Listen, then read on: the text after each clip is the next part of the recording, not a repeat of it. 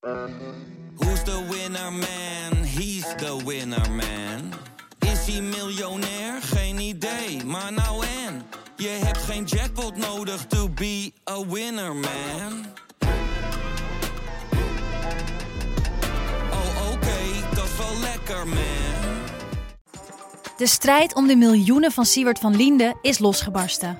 Zowel de staat als zijn stichting eisen de mondkapjeswinst terug. Maar dat die opbrengst in ieder geval niet thuis hoort bij Van Liende, daarover kan toch eigenlijk geen twijfel bestaan. Hoe kon het zo ver komen? Dit is het. We hebben beet. En als Siewert het geld teruggeeft, kunnen wij dit schandaal dan eindelijk loslaten? Je hoort het in de Mondkapjesmiljonairs, exclusief bij Podimo. Ga naar podimo.nl/slash mondkapjes.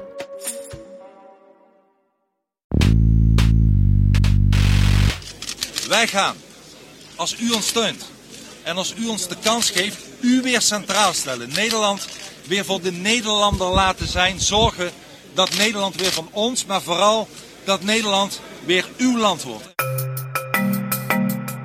Dit is Betrouwbare Bronnen met Jaap Jansen.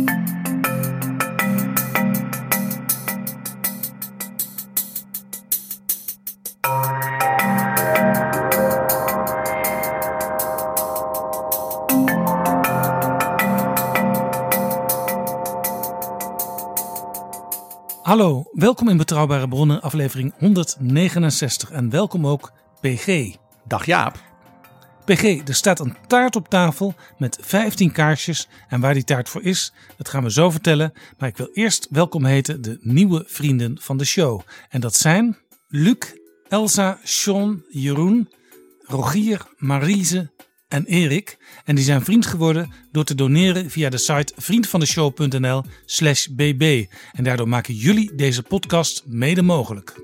Vorige editie 7 geheimen, nu 7 nieuwe vrienden. Dank jullie wel. Jaap Jansen en Pieter Gerrit Kroeger duiken in de politieke geschiedenis. PG, die taart die hier op tafel staat, wat is dat? Wa- waarom staat die hier? 15 kaarsjes staan erop. Een verjaardagstaart. Ja, Met veel schuim en room erop. en eh, blond soort eh, slagroom. Ja, een soort, soort opgeklopte Limburgse vlaai eh, lijkt het wel. Een rijstevla. ja, 15 jaar Partij voor de Vrijheid. Zullen we het over die partij gaan hebben in deze aflevering van Betrouwbare Bronnen? Die partij heeft dus nu inmiddels geschiedenis. Die heeft wortels, die heeft ontwikkeling, die heeft eh, transformaties. Daar zijn dingen gebeurd, daar zijn mensen gekomen, daar zijn mensen weggegaan. Het heeft historie en daarmee is het voor betrouwbare bronnen te meer een boeiende club. PG, 15 jaar Partij voor de Vrijheid, de partij van Geert Wilders. De tweede partij van het land bleek in 2017 bij de Tweede Kamerverkiezingen. Al viel de uitslag wat tegen vergeleken bij de opiniepeilingen die de jaren daarvoor steeds maar weer de PVV heel groot maakten. En hoewel die uitslag heel snel daarna weer enorm meeviel als je keek naar het Europees Parlement, de provinciale staten en dergelijke. Tweede partij betekende toen 20 zetels, net iets groter dan het CDA met 19 en D66 met 19. Ja, gedurende die avond zag je eh, die, die, die, die exit polls heen en weer schuiven. Dat hangt dan vaak op nou ja, een paar duizend stemmen. Eh, waarbij eh, een tijd lang leek het CDA de tweede partij van het land. dan hadden PVV en CDA alle twee 20 zetels. En D60 18. Nou, en zo zie je dat dat, dat, dat hangt er dan om, om ja, zeg maar, een, één dorp, één wijk. Zo gaan die dingen. En zoals een generaal vaak verweten wordt de vorige oorlog te voeren, zo lijkt Wilders dat nu ook te doen in zijn verkiezingsprogramma. Want daarin schrijft hij: De PVV wil voor u dat de grootste drie partijen na de verkiezingen verplicht met elkaar gaan onderhandelen. Hij baseert zich dus eigenlijk helemaal op de verkiezingsuitslag van 2017. Toen precies die partijen de nummer 1, 2 en 3 werden, die alles eerder met elkaar in een gedoogconstructie hebben geregeerd tussen 2010 en 2012. Blijkbaar verlangt Wilders daar toch enigszins naar terug, hoewel die volgens Uh, Mark Rutte is weggelopen toen voor zijn verantwoordelijkheid uiteindelijk uit die coalitie. Maar 2017 was dat dus de verhouding. Hè? VVD de grootste, op enige afstand gevolgd door de PVV en daarna het CDA. Ja. En de zeer ervaren kabinetsinformateur Herman Schenk Willink heeft toen ook gezegd: ja, als die drie grootste uh, dus met elkaar om de tafel zouden zitten en ze hebben een meerderheid, dan moet er een reden zijn waarom dat niet zo is. Dus hij heeft toen aan Buma voor het CDA en Rutte voor de VVD gevraagd: zet nou eens op papier, heel, heel zeg maar geserreerd, onderbouwd, puntsgewijs, waarom u een gesprek met de PVV ja, eigenlijk niet ziet zitten. Waarom u zegt dat wordt nooit wat en daar hebben we ook eigenlijk vanuit zeg maar, diepere politieke overwegingen geen zin in. Ja, bijna als een soort uh, landsnotaris liet Cenk Willink op twee, het, ja, het waren ongeveer A4'tjes, de twee fracties via een fractieleider verklaren waarom samenwerken met de partij van Geert Wilders nu uitgesloten was. Nou, dat het geen zin had om een gesprek te openen dat als het ware als perspectief zou hebben dat dat samenwerking zou worden. Ja. Zo ver ging het zelfs. Ja, want Wilders zat heel erg te tamboureren. De tweede partij van het land moet toch op zijn minst kunnen meepraten over een nieuw kabinet. Vanuit de gedachte, die dus ook nu in dat verkiezingsprogramma wordt herhaald, alsof er een soort moreel recht is van de PVV-kiezer, eh, omdat die er is. Eh, dat morele recht wordt dan natuurlijk bijvoorbeeld voor de GroenLinks-kiezer, die 14 zetels, 10 zetels gewonnen, eh, werd dat natuurlijk niet geclaimd. Dat is altijd heel interessant, dat morele recht op je moet naar die mensen luisteren, wordt altijd alleen geprojecteerd, ook in de media, op partijen op de flanken. En nooit op partijen in het constructieve midden. Dat is heel opmerkelijk. En dus ook in mijn ogen altijd een beetje uh, onthullend, zo niet verdacht. Ja, die partij was in 2017 de tweede partij van het land. Ook dat is al een reden om aan de vooravond van de verkiezing van 2021 eens nader te kijken waar staat die partij nou eigenlijk voor.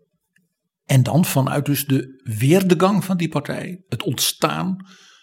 Wie zijn die mensen? Eh, wat is de historie ervan? Wat leer je daaruit? Ja. Want die partij heeft, dat moet je dat kunnen we nu zeggen na 15 jaar, een heel eigen aard, ook een eigen stijl, ook eigen zeden bijna, zoals bijna elke partij dat heeft, intern. Uh, heeft ook een eigen publiek. Het heeft zelfs bijna een beetje een eigen zuil ontwikkeld. Uh, en ja, natuurlijk zijn thema's. En die bij elkaar vormen dus een soort herkenbaar geheel hè, in de loop van die 15 jaar nu. En ik verwijs meteen ook even naar een eerdere aflevering van Betrouwbare Bronnen, aflevering 48 uit september 2019.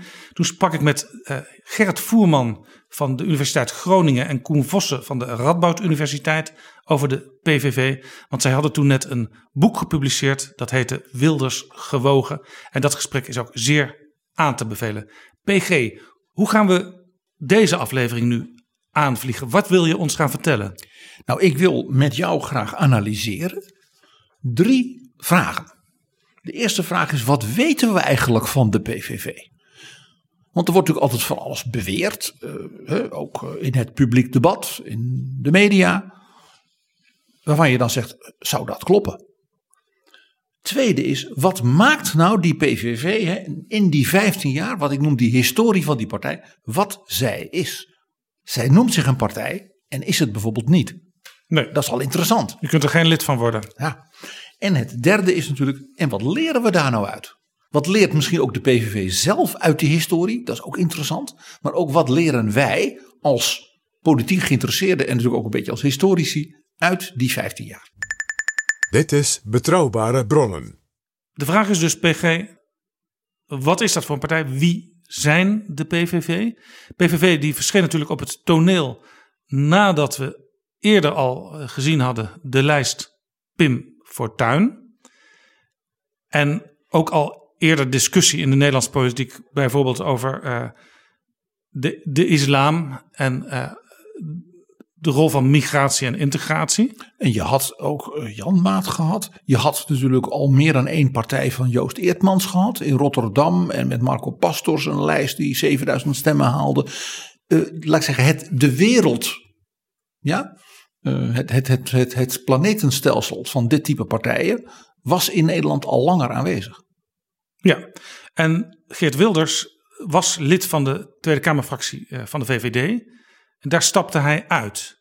En hij nam toen nog allerlei elementen uit die VVD mee. Ja. Maar de PVV van de voorbije 15 jaar is dus niet de LPF 2.0. Ik noemde het net al, het is geen partij. Het heeft dus geen formele structuren van een partij. En heeft ook niet alle ellende van een partij. Dat was voor uh, Geert Wilders natuurlijk. Uh, die keek naar de arme Matt Herben. Die keek naar de gekte en chaos die toch kenmerkend voor die club was. En die keek natuurlijk ook naar andere projecten van Jan Nagel. Als leefbaar en als 50 plus. Dat natuurlijk in dat opzicht absoluut wel een LPF 2.0 blijkt. Wat er dus ook bij zit, is dat de PVV anders in elkaar zit, bijvoorbeeld in zijn economische bestaan. Ze bestaan niet dankzij wat schimmige giften van vastgoedtypes, wat je zeker bij Fortuin zag, maar ook bij 50 plus en ook bijvoorbeeld bij Trots op Nederland van Rita Verdonk. Dat heeft de PVV niet. De PVV is een eigenlijk structureel heel arme partij. Zonder sugar daddies. Behalve dan in het, uit het buitenland. Ja, heel af en toe dan verschijnen er wat verhalen over giften uit Amerika, uit Israël. Via het Europese. Ja. Nou, derde punt waarom ik zeg het is geen LPF 2.0. De PVV heeft geen, ik zal maar zeggen, ideologische, uh, uh, ook intellectuele pretenties. Wilders gaat niet zeggen: Ik kom met een boek waarin ik uitleg hoe de wereld in elkaar zit. Uh, Wilders is geen columnist. Hij is niet te huur als spreker voor je jaarvergadering van MKB Woerden. Zoals Pim Fortuyn als verdienmodel had. Dus ook die, die schijn van intellectualiteit, die bij Forum bijvoorbeeld een rol speelt. Die ook bij bijvoorbeeld een club als Geen Pijl, wij gaan de democratie vernieuwen. En ook bij het Fortuin zat. Op dat punt heeft Wilders geen enkele pretentie. Dat is dus heel interessant als verschijnsel. En een vierde punt, het, hij ontbeert dus ook. Ze hebben de klassieke verschijnsel als je in andere stromingenpartijen ziet als partijdenkers ideologen, bijna filosofen die als het de bodem leggen onder het denken waar die partij voor staat. Het communisme had dat, natuurlijk met Marx en Engels. En, hè, en de fascisten hadden dat ook. De sociaaldemocraten, socialisten hebben dat zeker. De christendemocraten, grote liberale denkers. We hebben ze behandeld in betrouwbare bronnen. Uh, Adam Smith, Burke, Tocqueville. Al dat soort dingen heeft de PVV niet. Nee, de enige die een klein beetje die potentie heeft is het Kamerlid Martin Bosma. Die ook alles een boek heeft geschreven over een soort ideologische onderbouwing op afstand van de PVV. Dus het is een misverstand, Jaap, wat je toch vaak hoort, dat Wilders en de PVV een soort opvolger zijn van Fortuyn. Dat zijn ze nadrukkelijk niet. Er is nog een tweede misverstand. En dat is een misverstand dat je pas ziet als je heel grondig, feitelijk, met de kaart van Nederland in de hand, en de uitslagen van de Kamerverkiezingen van de voorbije 15 jaar kijkt naar de PVV. Ja. Het is geen partij van het volk. Nee, als je uh, het begrip volkspartij beschouwt als een partij die in brede lagen van de bevolking aanspreekt. En in heel het land uh, als het ware herkenbaar afdelingen heeft, activo's heeft, jongerenclubs, van alles doet. Ja. ja, dan is er op dit moment eigenlijk maar één partij die daar helemaal echt aan voldoet, dat is de VVD van Mark Rutte. Die eigenlijk in het hele land aanhang heeft. Uh, zowel op het platteland als in de steden, in het noorden, het zuiden, het oosten, het westen.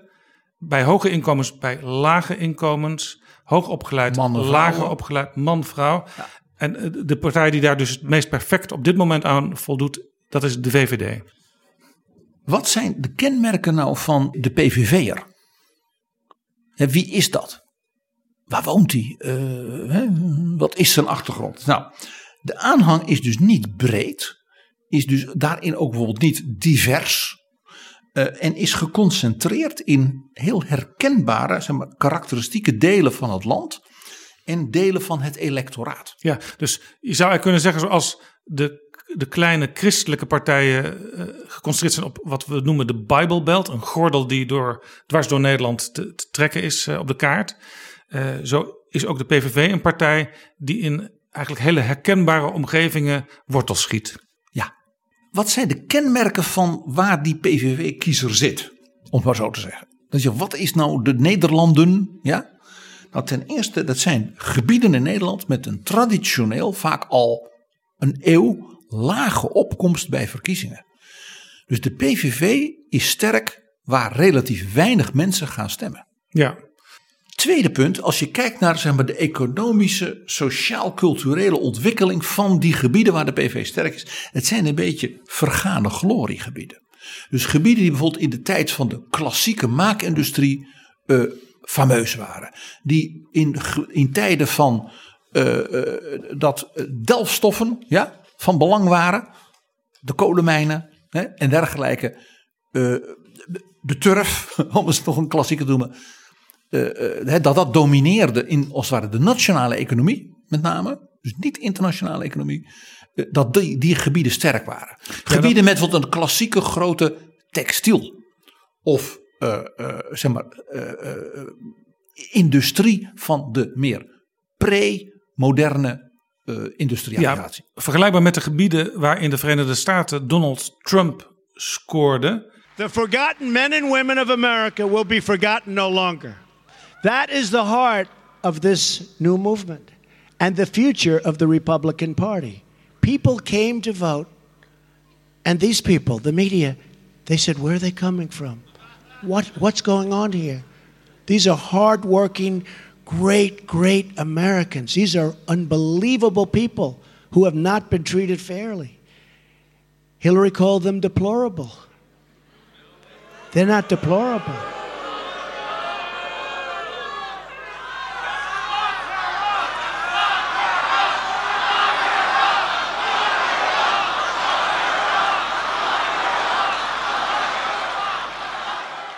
The forgotten men and women of our country will be forgotten no longer. Want de mensen daar die voelden zich eigenlijk genegeerd door wat ze dan voelden als de elite in Washington DC. Dit is een hele boeiende.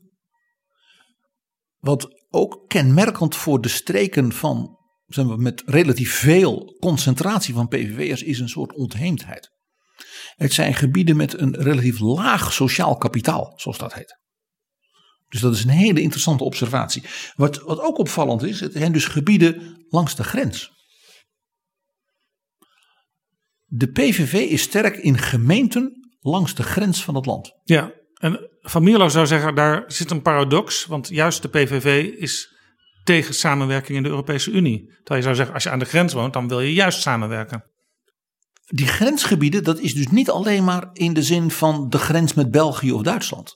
Het is bijvoorbeeld ook de grens van uh, regio's die bijvoorbeeld relatief sterk zijn, waarbij de marge daarvan ja, uh, niet zo meekomt. Ik zal straks voorbeelden geven. Het is ook dus een gebied, gebieden met ja, zeg maar, deindustrialisatie. Beetje dus als Trump die zei, hè, de, de, de, de, de klassieke uh, autofabrieken die worden overgenomen door de Japanners en door die Europeanen. En uh, Detroit loopt leeg. Ja. Pittsburgh loopt leeg. Ik ben niet voor Parijs, ik ben voor Pittsburgh. Ja. Dat. En hij beloofde zelfs dat die fabrieken weer open zouden gaan onder zijn presidentschap. Natuurlijk, want beloven is altijd goed. Het zijn dus ook gebieden die dus maatschappelijk en economisch voor hun infrastructuur, hun ziekenhuizen, hun, aan het infuus hangen van de Randstad. Hetgeen dus een vaak uh, uh, combinatie van jaloezie en afkeer met zich meebrengt. En geen dankbaarheid. Het zijn dus vaak gebieden met wat ik maar noem een beetje verloren perspectieven. Die waren bijvoorbeeld 50 jaar geleden avant-garde. Dat je zegt van nou daar gebeurt het. En dat je zegt ja nu niet. Krimpregio's ook vaak. Dus een zekere statische positie in een zeer dynamische omgeving. Ja, en ook een verouderende omgeving, want de kinderen die vertrekken vaak uh, naar de Randstad. Ja, dat zie je dus ook. Uh, dus die krimp heeft ook een zekere vergrijzing met zich mee en ook een verlies dus van de dynamische bevolkingsgroepen. Hoger opgeleiden, jonge vrouwen en dergelijke. En ook, ja, dat is misschien onaardig om te zeggen, eh, gebieden die vaak opvallen door een grotere concentratie van illegaliteit. Eh, wiet, eh, teelt, ook de chemische drugs op het platteland in Brabant, eh, vis en alles wat daarmee samenhangt. Ik wil maar zeggen, het deel van Nederland waar men hosselt. Ja, interessant, want in het verkiezingsprogramma van de PVV worden zwaardere straffen beloofd. Eh, kinderen vanaf 14 jaar die moeten al onder het volwassenenstrafrecht vallen. En iedereen die iets fout gedaan heeft, die verliest al zijn burgerrechten. Ja, interessante verschijnselen. Nou, als ik nou kijk naar de kaart van Nederland, want dan denk jij, PG, dit is allemaal mooi, die karakteristieken, maar waar heb je het over? Welke, welk dorp hè? en welke wijk? Nou, heel kenmerkend waar de PV sterk is, de oostelijke mijnstreek. Nou, dat, dat zei de oostelijke mijnstreek. Dus dit is de grens met Duitsland. Uh, en waar dus die oude industrie, delfstoffen, uh, nog altijd ook de nostalgie van de economie beheersen. Relatief hoge werkloosheid, veel WHO, doe ik ook door vroeger, lage opkomst bij verkiezingen. Zeker bijvoorbeeld bij Europese verkiezingen, statenverkiezingen en dergelijke. Behalve bij de Europese verkiezingen, afgelopen keer, toen Frans Timmermans de lijsttrekker van de Partij van de Arbeid was, wiens opa een kompel was. Hij werkte in de mijnen. En toen was de opkomst voor die streek relatief hoog, maar nog altijd laag. Oost-Groningen, ook zo'n voorbeeld. Daar is de PVV sterk geworden. En daar zie je dus de verbindingen ook met die ja, oude economie, oude productiesectoren en uh, ja, weinig zeg maar, uh, verbinding met dus de nieuwe ontwikkelingen, nieuwe werkgelegenheid, Ja. hoger ontwik ontwikkelde Precies, werkgelegenheid. precies ook de regio waar vroeger de Communistische Partij van Nederland heel groot was. En waar dus de PVV nu strijdt met bijvoorbeeld de SP om wie de tolk des volks is. Ook typisch de steden in Twente. Zeker niet het Twentse platteland, maar de steden. Almelo maakte als een van de weinige steden boven de rivieren de PVV de grootste. Een universiteitsstad, ja, met grote verbindingen ook met de Duitse eh, economie als Enschede, maar daar is de PVV groot. Dat heeft, dus herken je dus ook weer, dus de oude textiel, de oude industrie, al van de 19e eeuw. De grote supporters van Thorbecke als liberale vernieuwer in Nederland, waar zaten die? In Maastricht en in Twente, in de industrie daar. Zeeuws-Vlaanderen en eh, West-Brabant, ook opmerkelijk. Een gemeente als Rukven was zelfs een tijdje, eh, geloof ik, was de gemeente met de meeste PVV in procenten. Ja, En dan denk je, waarom dat? Nou, daar speelt ook weer een element van oude industrie, textiel en dergelijke. En natuurlijk de politieke oriëntatie op Antwerpen, op het Vlaams blok. Op Bart de Wever, niet op Den Haag. Dan natuurlijk heel herkenbaar ook, zeg maar, de LPF-tijd. De zuidvleugel van de Randstad, de Rijnmond. Dus de onderkant van de Rijnmond, ja, de, zuidkant. de Drechtsteden. Drechtsteden, eh Spijkenissen, eh, eh, dus die onderkant van Rotterdam. Ik ben eens in het kielzog van Geert Wilders in Spijkenisse op een markt geweest. En werkelijk iedereen die daar liep, iedereen wilde met Geert Wilders op de foto. Selfieland voor de PVV. Lage opkomst bij verkiezingen. Maar dat, hè, daar was men ook erg in pim.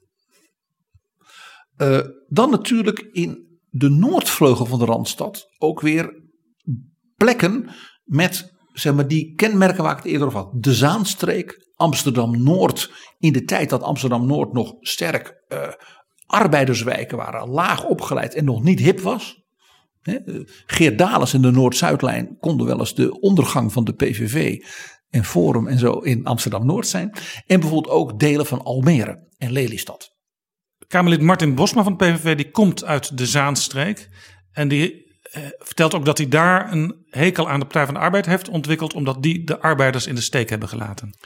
Het zijn dus ook gebieden in Nederland, de Rijnmond en bijvoorbeeld de Zaanstreek eh, en dergelijke, waar dus de Partij van de Arbeid eh, een beetje wat de KVP in Limburg was. En die- de Oostelijke Mijnstreek, dit heeft dus met elkaar te maken. Dat was dus één dominante, klassieke machtspartij die zichzelf ook zag en niet ten onrechte als de tolk van het volk. Maar ook de elite en, ook, en een deel van dat volk ontzuilde hè, van de katholieken en de socialisten en voelde zich verlaten. Dat zie je dus ook interessant genoeg bij de support voor de PVV in Vissersdorpen. Ja, Volendam, Urk. Ja, want dat zijn ook grensdorpen. Dat zijn grensgemeenten. En daar wil men ook nog wel eens wat hosselen. Daar is een soort uh, vrije jongenssfeer, ook al is men heel vroom. Of het nou Revo is of katholiek. Maar men is altijd een beetje los van de rest van Nederland, want men zocht het, hè, het natte sop. Men, handelde, men dreef handel, men was altijd een beetje uh, uh, handig. Ja, kun je een, een, een soort stempel drukken op al deze plekken die je nu genoemd hebt? Nou, ik ga nu iets heel ondeugend zeggen, Jaap. Het is het Ossieland van Holland. Ossieland, dat is eigenlijk de voormalige DDR. Ja. Ook daar dus krimp. Wegtrekken van de hoger opgeleiden en de jonge vrouwen die heel veel kansen zien in de nieuwe economie. In Baden-Württemberg en in München en in Berlijn en in Hamburg. Dan blijven dus lager opgeleide mannen over, ouderen.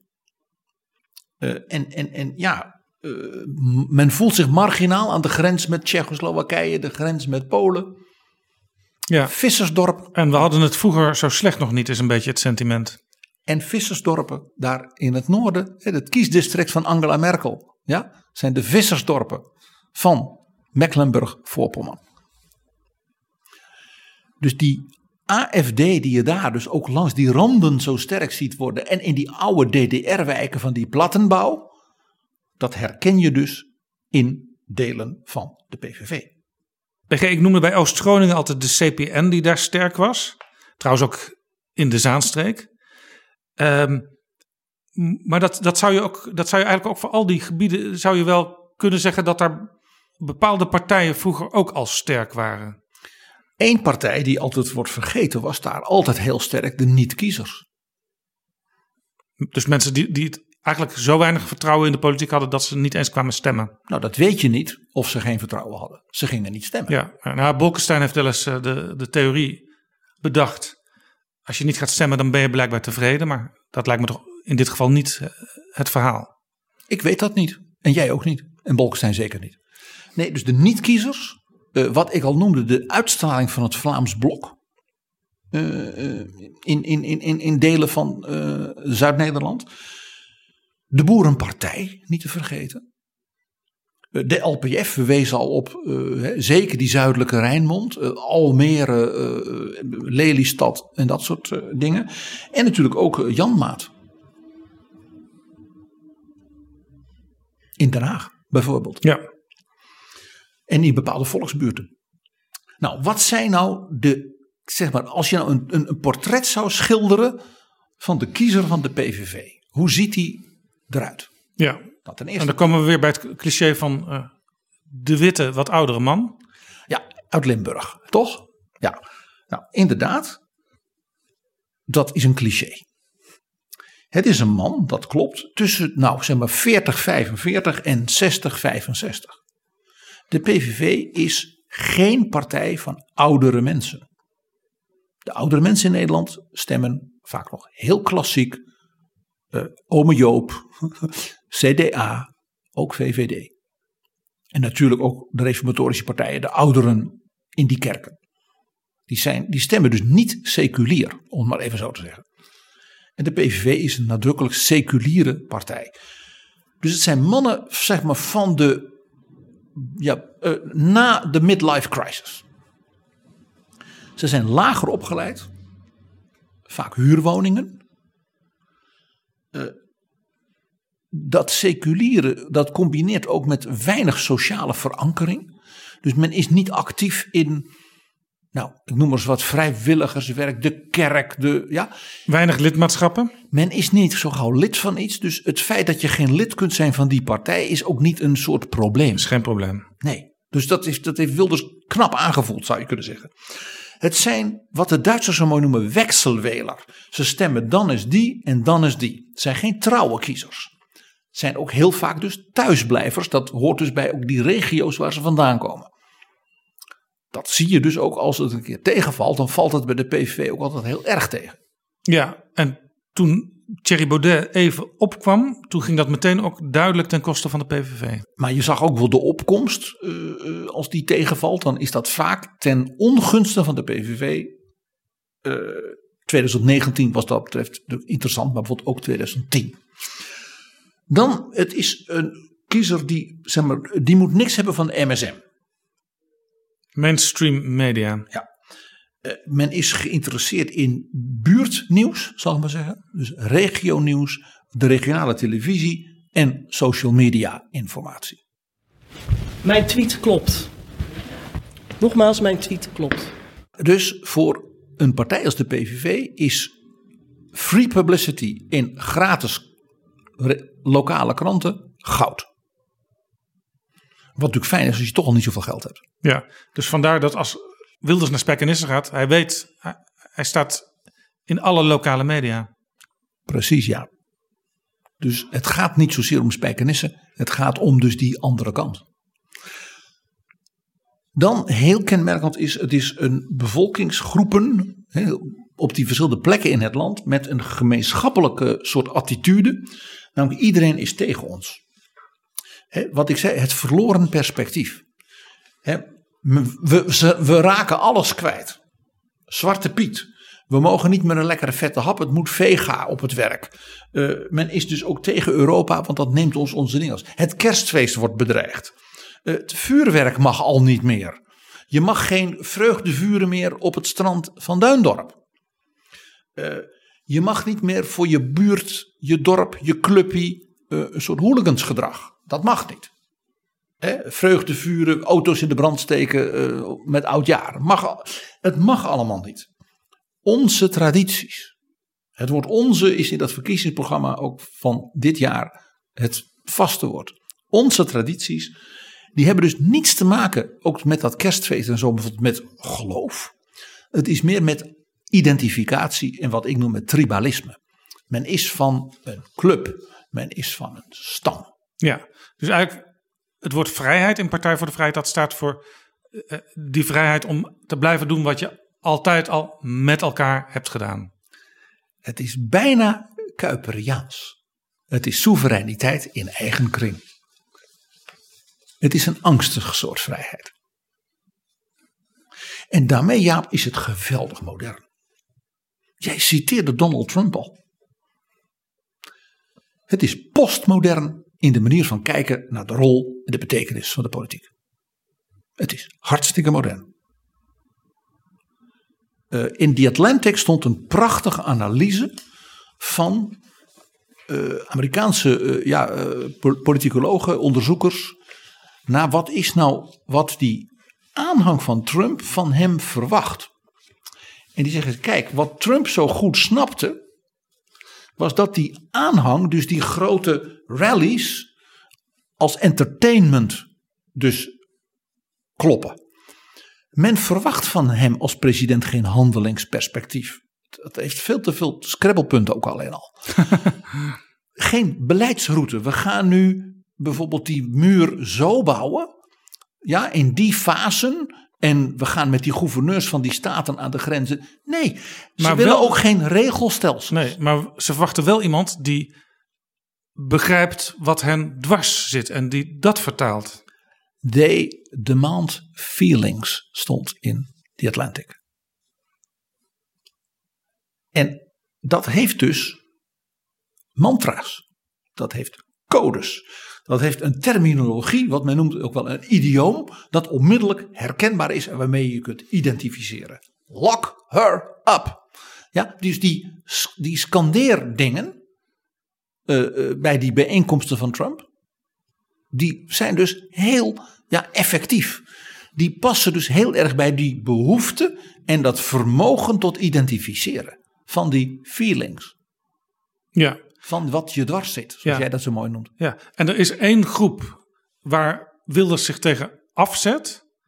En dat zijn de moslims. En die wil hij eigenlijk ontnemen wat hij juist voor zijn mensen wil behouden. Alles wat zij denken kwijt te raken, moet eerst die ander kwijtraken. Ja, En zijn taalgebruik uh, endt zich ook heel erg op de angst voor die vreemdelingen. Met woorden als kop tax, haatpaleizen, een tsunami van moslims. Dat zijn dus termen met hele hoge emotionele feelingswaarde. Haat. Kopvodden, dat is denigrerend over iemand zijn kleding. Uh, tsunami. Ja, dan zie je dus daar, daar, Weet je nog, de tsunami toen? Al die mensen met, die allemaal wegspoelden. Het overkomt je. Het is een ramp. Laat ik gewoon een paar van die codes waarvan je denkt: oh, nu herken ik dat. Hè? Dus dat lock her up. Dat bleef men ook roepen toen mevrouw uh, Clinton al tien keer verloren had. Ja? Maakte niet uit. Het deed er niet toe. Wie die her was. Dat lock somebody up. Ja. Uh, make America great again. Oftewel, we zijn niet meer great. Dat verloren perspectief. Ze kijken niet meer naar ons om, we stellen niet meer mee. Uh, dan die verschrikkelijke leus: You will not replace us. Dus het anti-omvolkingsidee. Wij worden bedreigd in zelfs ons bijna de fysieke realiteit van wie wij zijn. Ja. Uh, natuurlijk uh, in Nederland op Rutte. Wat je op bordjes ziet staan bij demonstraties. Het minder minder was een prachtige Nederlandse variant van uh, lock her up. He, dat doet het. Ja, dat kun je scanderen. Ja. Zou ik van iedereen hier een antwoord willen hebben op de volgende drie vragen. Drie vragen, alsjeblieft geef een helder antwoord die onze partij, de PVV, definiëren. En de eerste vraag is, willen jullie meer of minder Europese Unie?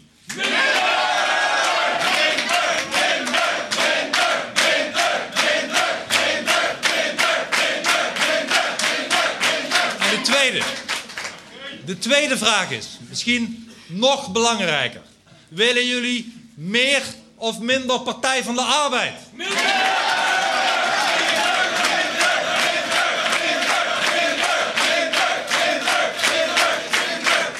En de derde vraag is, en ik mag het eigenlijk niet zeggen, want er wordt aangifte tegen je gedaan. En misschien zijn er zelfs D66 officieren die het een proces aandoen. Maar de vrijheid van meningsuiting is een groot goed. En we hebben niets gezegd wat niet mag. We hebben niets gezegd wat niet klopt. Dus ik vraag aan jullie: willen jullie in deze stad en in Nederland meer of minder Marokkanen?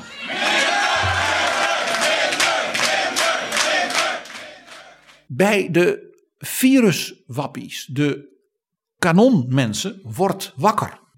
En bijvoorbeeld, er moet een piemel in. Ja, ik zeg het maar gewoon zoals het Ja, bij een demonstratie tegen een asielcentrum in de buurt van Rukven. En dat is, het is niet fraai. Maar het is natuurlijk wel zo'n ja, identificeerbaar mantra, eh, code, taalgebruik. Wat ik hiermee bij elkaar breng, is dus, het zijn emotionele associaties. Feelings. Het is een cliché, maar als je kunt spreken over onderbuikgevoel, dan is dit het wel het is dus ook heel sterk nostalgisch. Wat heel interessant is, is bijvoorbeeld, wat is nou het Nederland waarvan de mensen zeggen, toen was het goed, toen ging het goed met ons, was het Nederland van paars. Nederland was welvarend, Nederland was onschuldig, je had je gulden nog. We hadden nog geen euro. Je had Bolkestein die ja, hield het zaakje op koers en die hield die allochtone koest. Ja, ja, het Nederland van Paars, maar dat was volgens Pim Fortuyn ook meteen klaar toen Paars klaar was. Het interessante was dat dus de beeldvorming van de eerdere icoon, dat het een tijd van puinhopen, ellende en wat dan niet was, is vergeten. Ja, nee, inderdaad, want je hebt gelijk, al die dingen waar Wilders nu naar terug wil, die waren er toen nog. Een hele strenge, bijvoorbeeld asielwetgeving, was er toen van Job Cohen die door Rita Verdonk werd uitgevoerd. En Rita Verdonk die dus veel soepeler was dan Job Cohen. Dit is dus wat ik noem die nostalgische projectie. Ja. Dus nostalgie naar een, mag ik zeggen, bijna verzonnen verleden. Dat dus in een eerdere fase hè, met Fortuin als dus het grote schrikbeeld. en bijna als een soort verraad werd beschouwd, is nu dus ineens, ja, toen was het nog mooi. Toen was geluk heel gewoon. Juist, wat met diezelfde projectie op de jaren 50. Waar wij als historici ook allemaal zo om kunnen glimlachen. De codes dus die ook in de PVV eh, eh, eh, programma's en de, de, de uitingen, de filmpjes, ja, naar voren komen is Sint en Piet. Want dat is iets onschuldigs uit je kindertijd en dat mocht toen nog. Ja, wij hebben als PVV zoiets van jongens, um, hou er eens mee op. Het is een kinderfeest. Het heeft werkelijk niets met racisme te maken. Het is gewoon een Sinterklaas, een Zwarte Piet.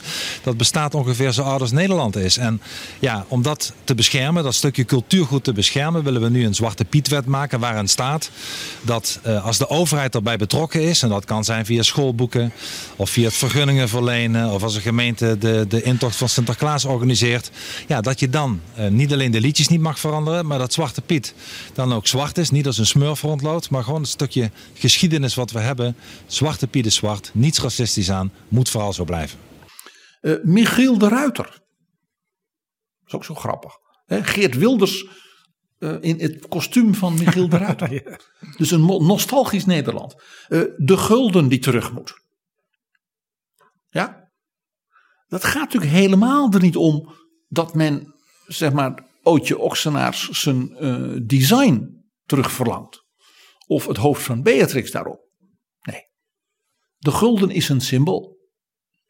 De gave gulden van Colijn. Zelfs nog een soort herinnering. Toen was het nog gaaf. Toen was het land nog heel.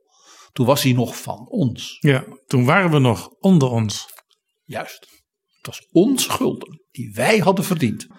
Nog iets ook zo'n code waar dus naar wordt verwezen. Pim Fortuyn en Theo van Gogh.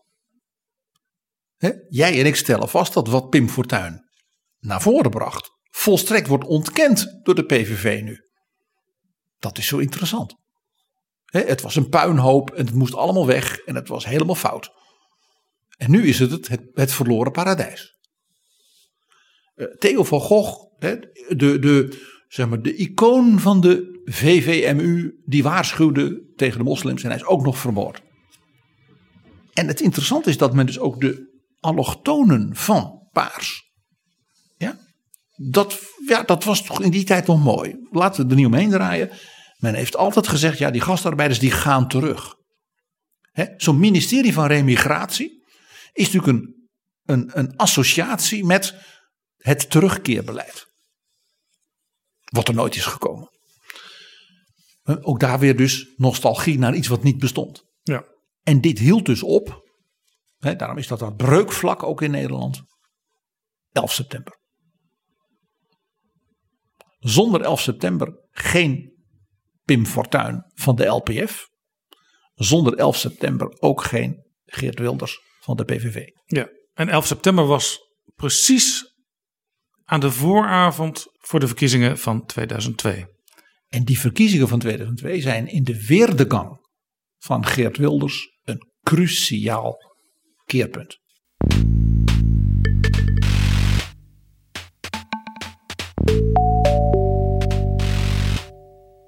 Jij zegt 9-11 is een heel belangrijk moment voor wat later de onafhankelijke Geert Wilders met zijn PVV zou worden.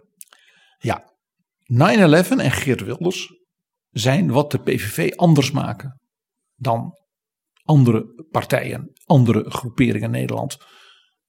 En ja, 9-11 is natuurlijk uh, uh, nu, aanstaande september, precies 20 jaar geleden. Dat het dus 15 jaar PVV is, is geen toeval. Geert Wilders is toch echt een van de fundamentele factoren waarom die PVV anders is. Geert Wilders is een Haagse politicus van allure. Een man van het kartel in optima forma. Hij snapt het. Hij komt er vandaan, heeft er zijn hele leven gewerkt. Hij kan ook niet anders. Nee, hij zit ook al net zo lang in de Kamer als Kees van der Staaij van de SGP en Gadisha Ariep, de Kamervoorzitter van de Partij van de Arbeid. En hij is al langer op het Binnenhof, want hij was al medewerker van de VVD-fractie voordat hij Kamerlid werd. Ook dat. Ook dat. Hij heeft echt een leven op het Binnenhof. En daarin is hij dus fundamenteel verschillend. Daarbij zegt hij, hij maakt dus die PVV dus anders dan eigenlijk al die andere lieden die zich presenteren als de tolk van het volk. Fortuyn was geen Haagse politicus, was überhaupt geen politicus. Rita Verdonk was dat evenmin. Uh, Hero Brinkman, politieman. Jan Roos, niet. Hilband Nabij was een ambtenaar. Ja? Uh, Thierry Baudet was van alles maar geen politicus en zeker niet Haags. Theo Hiddema, geen politicus, zeker niet Haags. Joost Eertmans, geen politicus, was de ambtelijk secretaris van burgemeester Opstelten. En daarna een lokale politicus. Geert Wilders was Haags. Van een klassieke grote partij. Die hij ook diende als medewerker en daarna ook als Kamerlid. Hij kent dus ook de zeden en normen. Hoe het loopt in Den Haag. Hoe de hazen lopen rond het Binnenhof als geen ander. hij kent het reglement van orde van de Tweede Kamer uit zijn hoofd. Zoals ook ooit in de jaren 60, 70 Marcus Bakker van de CPN daarom bekend stond dat hij het tot in zijn vingertoppen kende. Want ook al ben je klein als partij, het maakt je machtig als je de procedures kent. PG, hoe slim Wilders het spel speelt in de plenaire zaal van de Tweede Kamer, dat bleek nog niet eens zo lang geleden, toen er gestemd moest worden en Kamerleden van de coalitie het hazenpad kozen en Wilders legde dat bloot. Als er niet genoeg stemmen in het gebouw aanwezig waren, Geen dan kon de stemming niet doorgaan.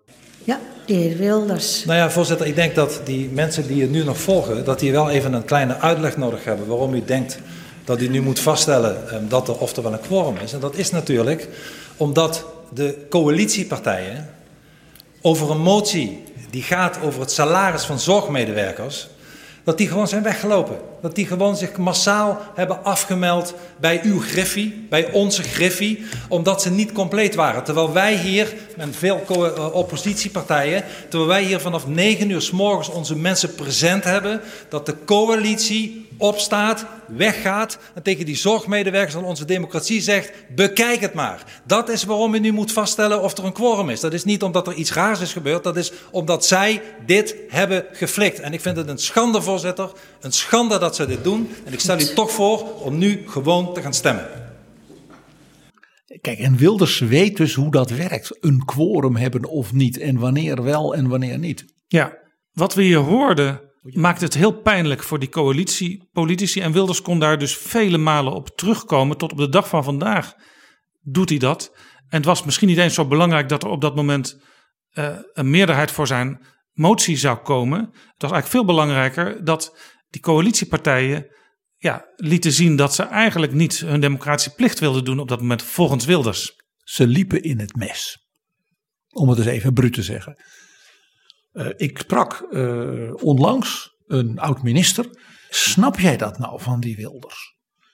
Het is als je met hem praat hier in Den Haag. Uh, overleg en een fractieoverleg. commissievergadering. Hij is deskundig. Het is een leuke man. Je kunt ontzettend met hem lachen. Hij heeft veel zelfspot. Anders dan vaak andere van die fanatiekelingen op de flanken. Hij is gewoon een leuke man.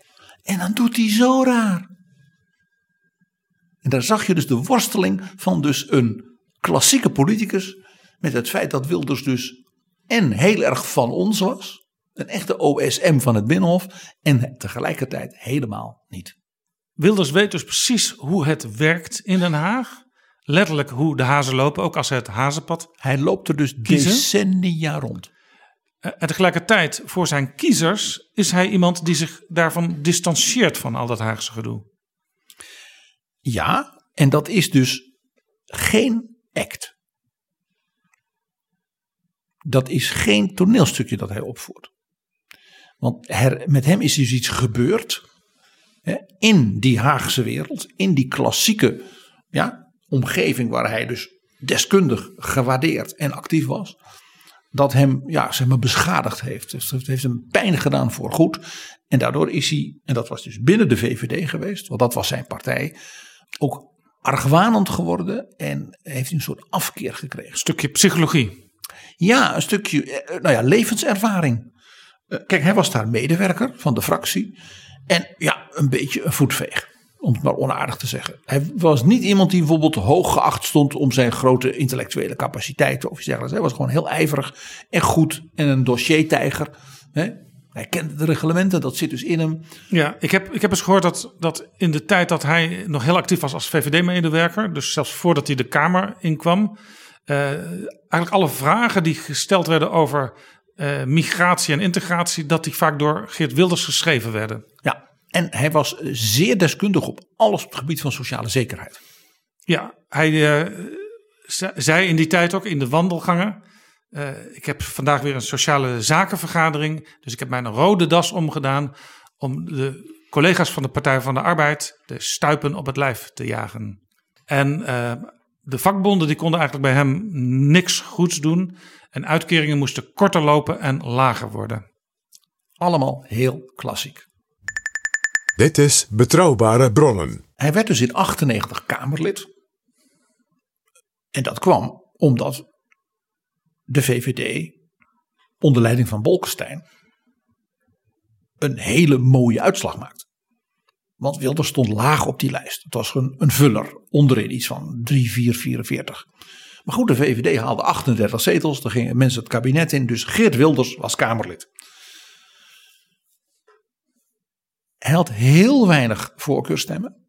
De beeldvorming dat Wilders een populaire jongen was uit Limburg met een enorme aanhang is feitelijk onjuist. Ik zal straks zelfs nog iets interessants onthullen op dat punt. Hij had dus niet veel status daardoor. Een oud medewerker met weinig achterban, eh, deskundig op het gebied van sociale zekerheid. Dus die kon je op dat soort dingen aan het werk zetten. Eigenlijk ging hij als Kamerlid doen wat hij daarvoor deed als medewerker. En in een grote fractie van bijna 40 man is dat ook prima. Daar heb je niet alleen maar diva's. Daar heb je ook gewoon voetvolk. En daarmee betekent dus ook dat hij dus wat afhankelijk bleef van zeg maar, de grillen van de partijleiding. Hij had dus niet een achterban van een provincie, een regio, de vakbonden, eh, het MKB. Dat had hij allemaal niet. Dus ja, als Bolkestein hem niet zag zitten, of uh, Dijkstal niet, of uh, Opstelten niet, ja, dan, dan was hij niks. En toen kwam, jij wees al op 9-11 en de verkiezingen van 2002. En die leidden natuurlijk tot een disaster voor de VVD. En Geert Wilders, die was door de kandidatencommissie van de VVD een beetje omhoog gezet. En ze dachten, ach, dat moet voldoende zijn, maar niet heel geweldig. Hij was voetvolk. Het is wel interessant, uh, hij was dus een nieuw jong Kamerlid. Uh, en er zat iemand van de jonge garde van de VVD in die kandidatencommissie, die ja. beoordeelde. Het VVD-hoofdbestuurslid Mark Rutte. En die heeft Wilders niet erg geholpen. Zulke dingen spelen een rol. Nou, de VVD haalt 24 zetels. Dus Geert Wilders is broodeloos. En ja, hij had dus geen achterban. Hij had niks. En hij zag Fortuin opkomen als de stroming Fortuin. Ja. En die zag dus het soort dingen die hij zelf wel eens misschien riep in zijn partij. Door professor Pim. Ja, brengen met een allure en een pretentie en een ja, uh, charisma. En het ging allemaal ten koste van zijn eigen VVD. En daar ging zijn partij. En daar ging Geert Wilders. Die dus in de steek was gelaten door de elite van die partij. En die dus in dat Limburg, waar hij dan kandidaat was, niet gekend werd. Dus ja, als hij nog een baan of zoiets zou willen hebben, dan moest hij zich misschien wel gaan melden bij Jos van Rij of zo hè, in Limburg. Of die iets kon regelen. Ja. maar dat is heel bitter. Hè? Als je dus je hele leven al hebt gewerkt daar en in feite dus het gevoel hebt, ze laten me allemaal in de steek, de elite. Nou, hij komt dan uiteindelijk toch nog in de Tweede Kamer. Doordat uh, het kabinet Balkenende 1 uh, VVD-bewindslieden heeft. En een oud bewindspersoon van de VVD de Kamer verlaat. Dat is Loek Hermans. En daardoor schoof dus eh, Wilders op en kwam alsnog in juli 2002 Ja. in de Kamer. Nou, hij zit dus in die fractie en prompt valt het kabinet Balkenende 1. Dus de nachtmerrie van Geert Wilders begon opnieuw. Dan had hij op één ding geluk. Mark Rutte zat niet meer in de kandidatencommissie, die was staatssecretaris van Sociale Zaken, dus zijn terrein. En de VVD heeft toen snel de lijst gerecycled. Alleen, er waren natuurlijk een heleboel mensen van Paars allemaal in discrediet. Dus die gingen weg. En Geert Wilders die steeg dus op die lijst. En kwam nu hoger op die lijst. Dus gelukkig voor hem kwam hij, hoewel dus in januari 2003 de VVD opnieuw geen geweldige uitslag had, terug als Kamerlid. En toen heeft hij heel duidelijk gedacht: wij moeten als VVD nooit meer de fouten maken van de voorbije tijd. En mij mag nooit meer overkomen dat ik zo afhankelijk ben van de partijleiding en de elite dat ik geen eigen baas ben. Hij ging dus werken aan zijn persoonlijke politieke profiel. En hij had een, een, een, ja, een, een vriendin in die fractie die op dezelfde thema's als hij eh, zich profileerde. Ayaan Hirsi Ali. Hij schreef met haar opiniestukken. Hij deed van alles. Hij gaf in november 2003, dus dat was, toen was dat kabinet aangetreden, een interview in de Volkskrant. Ik lees voor, een ruk naar rechts moet komen. De vakbonden deugen niet, we hadden het al over gehad. En het kabinet was laf. Let op, het kabinet was laf. Het had in Irak gewoon Amerika moeten steunen tegen die Saddam Hussein. Nederland had moeten meevechten. En het multiculturele drama, de term van Paul Scheffer, eh, was iets wat Nederland bedreigde. Zie hè, mijn opiniestuk samen met Ayaan. Ja, en in dat opiniestuk werd gepleit voor een liberale jihad tegenover die andere jihad. Mij fascineerde dus de grote belangstelling van de media deze dagen voor het nieuwe boek van Ayaan Hirsi Ali. Daar staat exact hetzelfde in. Zij schrijft nog precies wat toen Geert Ja. Wilders met haar Zij schreef. blaast nog steeds hetzelfde fluitje. Wilders ging zich dus profileren in die VVD als iemand van de ruk naar rechts. Dat paste niet bij zeg maar, de politieke stijl van de fractieleider Josias van Aartsen. Dus hij probeerde in die fractie een soort ja, fronde, zouden de Fransen zeggen, tegen de fractieleider te organiseren.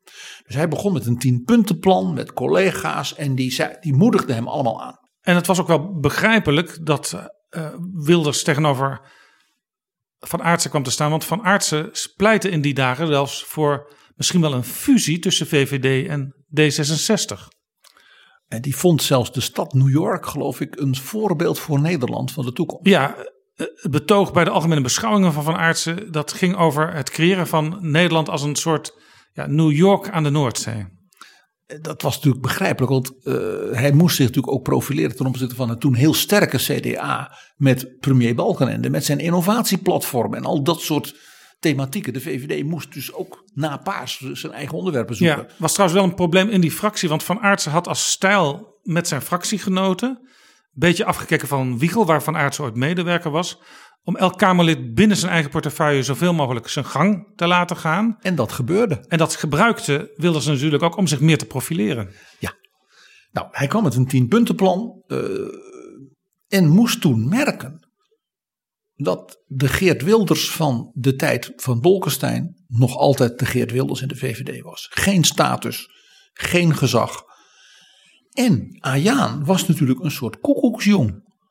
Want het onderwerp islam en eh, deze kon zij natuurlijk honderd keer beter. Ja, en met, mag ik het zeggen, eh, grotere authenticiteit en ook diveuzer brengen dan natuurlijk die hele Geert Wilders kon. En als het ging om krachtig rechts in de aanval, was er niemand anders in de VVD op het tapijt gekomen.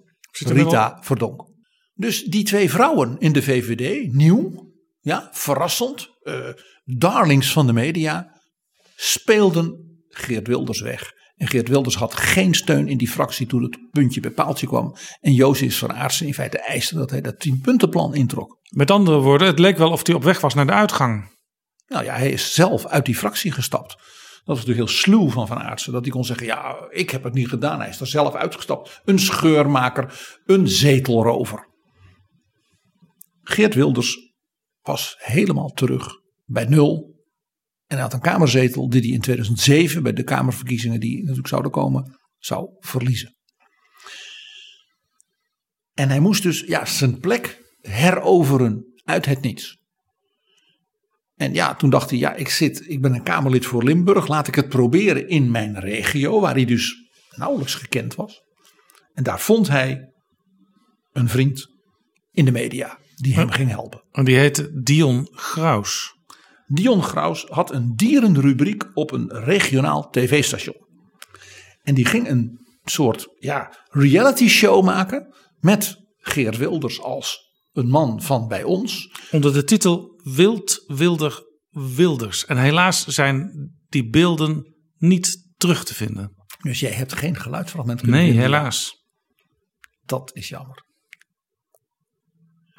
En hier is dus een hele bijzondere eh, ja, historische eh, relatie tussen deze twee Limburgers. Eigenlijk zat Wilders op dat moment politiek gesproken aan de grond. En Dion Graus die kon hem helpen hem in Limburg een beetje bekender te maken. Dion Graus heeft Geert Wilders uit het zwartste, diepste gat in zijn politieke leven helpen sleuren. Ik sprak een, eh, een eh, oud minister met Limburgse wortels en die zei tegen mij: En dat is waarom Geert Dion nimmer los zal laten. Geert was niet een populaire Limburgse fixer voor dingen in de Kamer en geen groot aanvoerder van de VVD in Limburg. Dat was hij allemaal niet. Dat is beeldvorming achteraf. Hij is door een soort duo, een soort Jos en Chibi, met Dion Graus, hebben ze zichzelf als de baron van Münchhausen uit zijn haren uit het moeras getrokken. Je zou ook kunnen zeggen, Dion Graus is de vroedvrouw van Wilders politieke wedergeboorte. Prachtig, ja, prachtig. Ik zou geloof ik dit soort dingen met vrouwen niet doen met Dion Graus. En toen ging het de goede kant op al snel. Hoe kan dat? Geert Wilders kreeg twee kansen en die pakte niet. En de eerste kans was het politiek failliet van Rita Verdonk. Rita Verdonk, die dus in zekere zin het politieke alternatief binnen de VVD was voor zeg maar, types en denklijnen als die van Wilders. Die vermoordde ten eerste politiek Ayaan Hirsi Ali. Laten we dat niet vergeten. En daarna natuurlijk bijna haar eigen partij. En er was nog iets. Wilders kon meedoen in 2005 met wat Verdonk en Hirsi Ali in de VVD niet kon. Namelijk tegen Europa in het Europees referendum. Ja, er was in 2005 een referendum over de nieuwe Europese grondwet, zoals dat toen genoemd werd. En Nederland stemde daar tegen. Althans, de mensen die hadden meegedaan aan het referendum, moet je er altijd erbij zeggen. Dus grote paniek in wat dan genoemd wordt de politieke elite. En Wilders kon zeggen, zie je wel. Hij had steun van een meerderheid van de Nederlanders.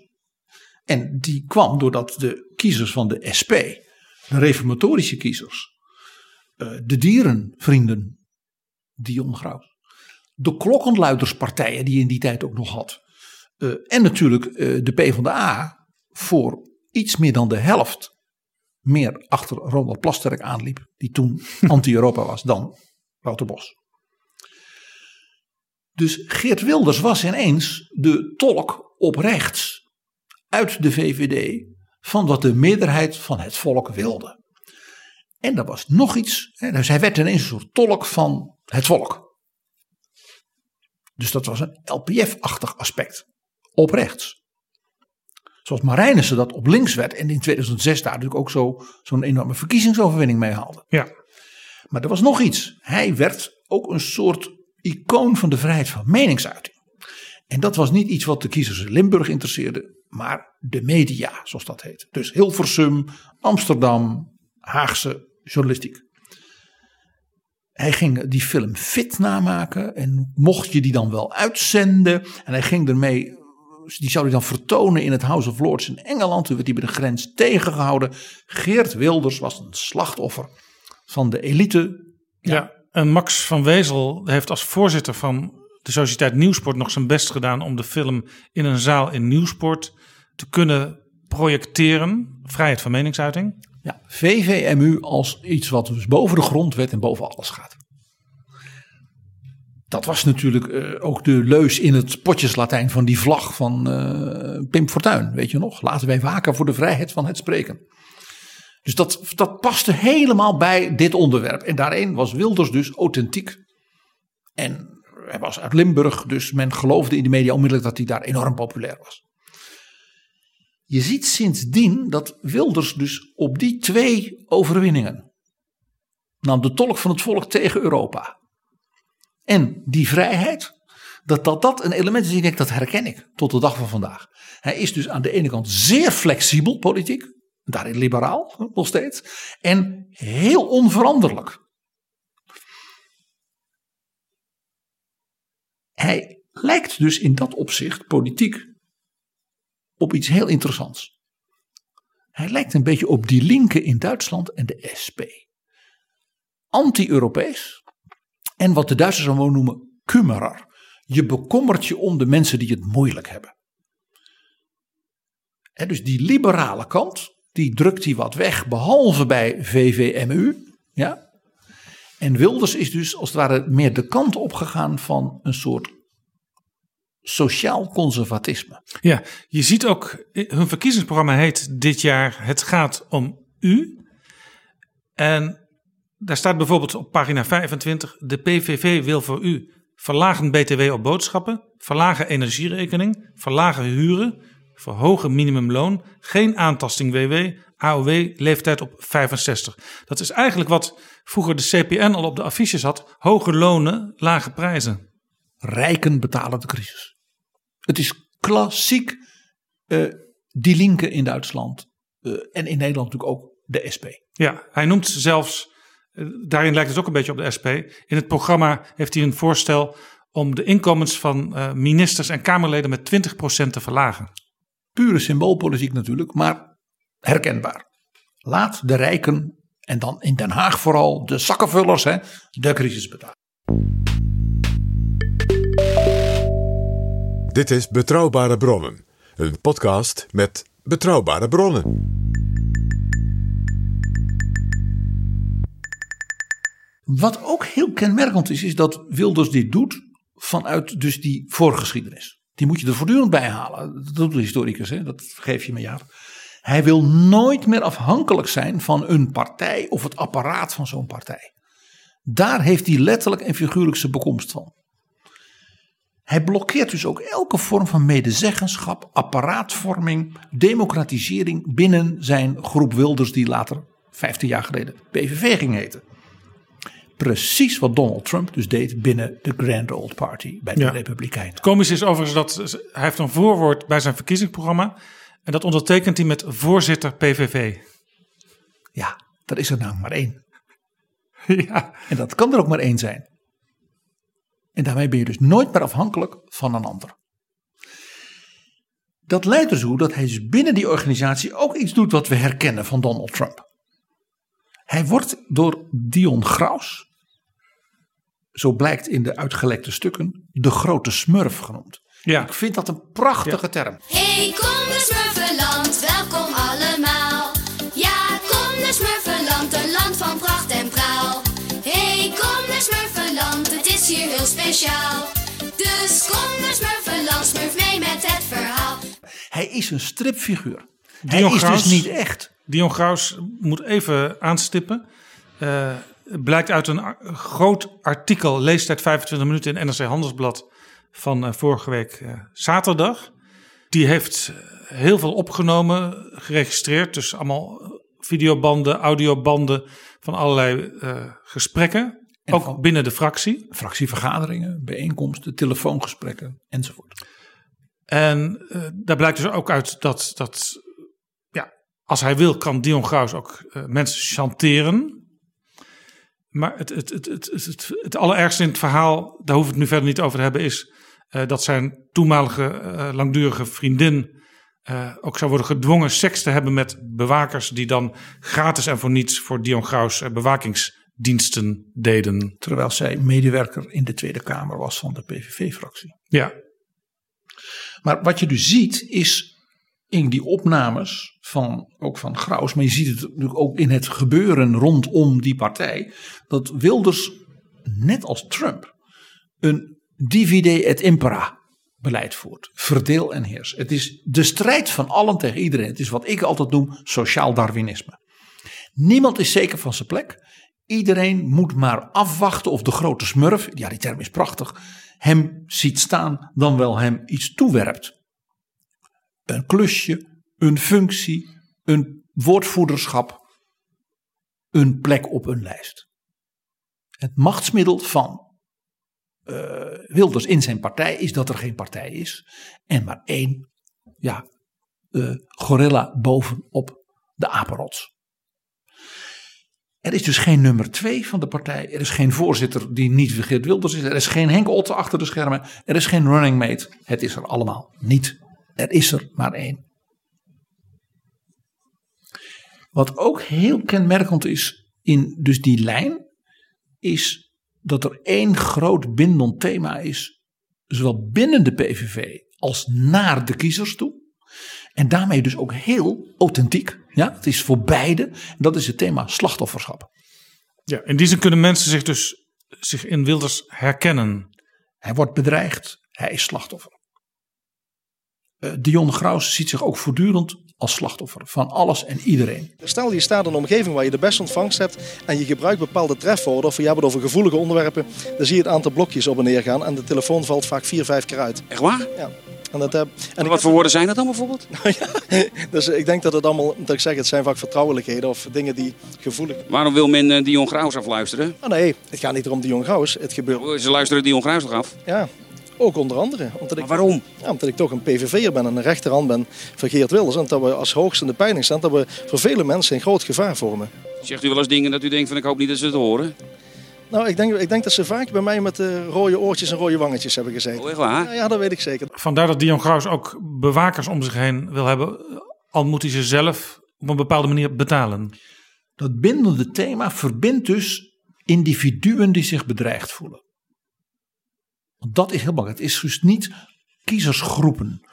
Het zijn niet uh, de MKB'ers die bezig zijn dit. Het is niet vakbond dit of zelfs regio dat of mensen met dat soort opleiding of inkomen. Het zijn altijd individuen. Het is sterk individualistisch. Men voelt zich bedreigd. Ja, eigenlijk de, de, de niet gehoorde en dus de ook niet groepsgewijs vertegenwoordigden. Ook dat. Het is dus een optelsom van individueel ongenoegen en vrees. En daarin dus ook dat wat sectarische wat erin zit. Wat je in sectes ook hebt. Die zijn ook nooit collectief. Dat zijn altijd individuen. Nou ja, wie zijn die, die, die, die bedreigende uh, dingen die dus voor slachtoffers zorgen? Nou ja, het lijstje is natuurlijk snel. De elite, rechters, hè, Europa, in Limburg natuurlijk de Hollanders. Voor de rest van Nederland alles wat niet blank is. Het is natuurlijk de hoge cultuur hè, die ons uh, vernedert. Het is natuurlijk de MSM. Het zijn dokters en medici, de wetenschap. Het zijn mensen die uh, ja, uh, veganistisch zijn. En het zijn mensen die juist niet lief voor dieren zijn. Allemaal bedreigingen. En dat culmineert natuurlijk in de islam. De islam is dan ook een code vooral. De islam is niet een bestaand soort, mag ik zeggen, cultuurkring, geloofsgemeenschap, want die is wereldwijd natuurlijk van een ongelofelijke variëteit. Ja. En hij, hij zegt zelfs dat het helemaal geen geloof is, want het is een ideologie, een radicale ideologie, zegt hij. En daarin is hij dus bedreigend en ongrijpbaar tegelijkertijd. De islam is, gelooft u mij, is verkleed als een religie, maar is een ideologie. Uh, ik ben ervan overtuigd, als er in Nederland nazi-tempels zouden zijn, dan zouden wij dat ook, dan zou de wereld te klein zijn als dat zou toegestaan. Nou, dit is, gelooft u mij, uh, de islamitische ideologie is zo mogelijk nog gevaarlijk. Het is dus een projectiescherm. Voor die angsten, voor dat slachtofferschap. En dan heb je dus enge mensen. He, Bin Laden, die Ayatollahs. Ze mensen, ze zien er raar uit. Ze hebben rare kleren. Ze hebben rare taal. Ze, ze, ze hebben rare gewoonten. Ze mogen, uh, halal is al in de winkel. Dat is al gevaarlijk. Ze hebben een suikerfeest en dat willen wij niet. Dat bedreigt ons kerst. Het is allemaal eng. Maar het zijn projecties. Je hoort Wilders nooit over de bouwen, bouwwerken van Sinan of over de Taj Mahal, over het Alhambra. Het is dus een code. Uh, ik weet van een collega van Wilders in de Tweede Kamer. Die zei vanaf het begin dat hij in de Kamer zat. Was hij dus een hele goede, gedegen ja, Kamerlid. Deskundig, hè, sociale zekerheid. Deed ook buitenland. En in die buitenlandcommissie prima. Op één punt na. Elke vergadering kwam. Iran bedreigt ons met raketten. Ze bouwen raketten. Het ging dus niet eens zozeer over de kernwapens van Iran. Het was raketten. En dan kwam het verhaal. Ik heb zelf onder die raketten gelegen. Hij zegt dat was een angstvisioen uit zijn tijd als jongen in een kibbutz in Israël. Raketten van Iran in midden in de nacht en je bent dood. Dus dat aspect van die bedreiging door de islam. Ik ga niet ontkennen dat Geert Wilders niet echt bedreigd zal worden door allerlei gekken uit de Al-Qaeda-hoek. Maar Al-Qaeda is helemaal niet Iran. Hè? Dat is Soenieten en Shiiten. Maar dat hele beeld van die bedreiging, midden in de nacht blazen ze je op. Zat dus al ver voor er sprake was van een afscheiding van de VVD, laat staan een PVV. Ja, ja je kunt daar dus ook zeggen dat het wel een, een authentiek iets is wat uit zijn eigen ontwikkeling voortkomt. Het is een hele persoonlijke obsessie. Ja. Het tweede grote ding wat de PVV zo anders maakt dan anderen. Naast dus Geert Wilders en zijn weertegang en zijn unieke rol als de enige die de PVV echt is. Is dat er zit iets heel bijna filosofisch in. De PVV vernietigt zichzelf om opnieuw te kunnen beginnen. Dus het is heel diep sociaal-darwinistisch in dat opzicht. En er zit dus zelfs een stuk Nietzsche in. Die eeuwige wiederkeer desgleichen. Ja, Wilders vernietigde dus al iets voordat hij überhaupt met de PVV begon. Namelijk zijn VVD-verleden. Ja, en toen hij dus in 2006 ja, de aanvoerder werd in de Kamer van de PVV. Met negen kamerzetels. Het eerste wat hij deed was alles wat maar VVD was in de PVV afschaffen. Dus het eerste wat hij deed was zijn eigen verkiezingsprogramma, zijn eigen achtergrond. Uh, dus, en daarmee dus ook zijn kiezers verraden. Grappig ja, genoeg. Ja, dus alle dingen die hij als VVD op sociale zakenterrein had verkondigd, die staan nu eigenlijk diametraal anders in het PVV-programma. En dat begon toen meteen. Ja, hij nam ook helemaal geen mensen mee uit de VVD. Terwijl je toch zou zeggen van ja, je hebt een, een, een, een soort groep om je heen opgebouwd waar je uit kunt putten. Ik zei al, niemand wilde hem volgen. De VVD'ers die kans zagen op rechts, om het maar zo te zeggen, die gingen met verdonk mee naar Ton. Trops tot Nederland was natuurlijk in 2006, 2010 natuurlijk die afsplitsing van de VVD, waar iedereen van zei dat gaat het worden. De peilingen gaven in die tijd aan, toen Rita Verdonk voor zichzelf begon, dat de VVD gehalveerd zou worden en de PVV twee zetels in de peilingen zou overhouden. Daar, daar, is dus iets heel interessants. Dat Wilders, mm, dat, ik weet niet of hij het aanvoelde of dat het een gok was die toevallig goed uitpakte. Uh, maar Wilders kwam met negen zetels de Kamer in en Verdonk nul. Maar zoals ik al zei, Geert Wilders was en is als kenner van het Haagse kartelpolitiek een klasbak. En Rita Verdonk was natuurlijk gewoon helemaal niets. Nou, uh, hij ging dus ineens verhalen houden, die we natuurlijk nu kennen. De AOW, de zorg, de dieren, anti-Brussel, de gulden moet terug. Allemaal dingen die dus helemaal niet bij zijn eerdere verleden. Dus alles moest stuk om te kunnen herbeginnen. In 2010 is de beeldvorming natuurlijk, hij ging gedogen en het was het moment van zijn grote macht. Ja, 2010 kwam er een kabinet onder leiding van Mark Rutte, Rutte 1. Met Maxime Verhagen als vicepremier. Van het CDA. En vanuit de Tweede Kamer werd dat kabinet gedoogd en daarmee dus van stemmensteun voorzien in de meeste beleidsgevallen door de PVV van Wilders. En dat leverde een meerderheid van één zetel op. De realiteit was dat die meerderheid er eigenlijk nooit geweest is. Want de PVV was heel groot geworden, van 9 naar, eh, wat was het, 25. En Wilders had dus onmiddellijk een een, een, een, een probleem van beheersing. Want er is geen PVV, er is Wilders. Dus hij moest al die kikkers in die kruiwagen zien te houden. En één ding, het was een hoop kikkers. Letterlijk en figuurlijk. Eh, dus hij had geen greep meer al heel snel op die club. Er ontstond een rivaal, een afsplitsing, een man als Hero Brinkman.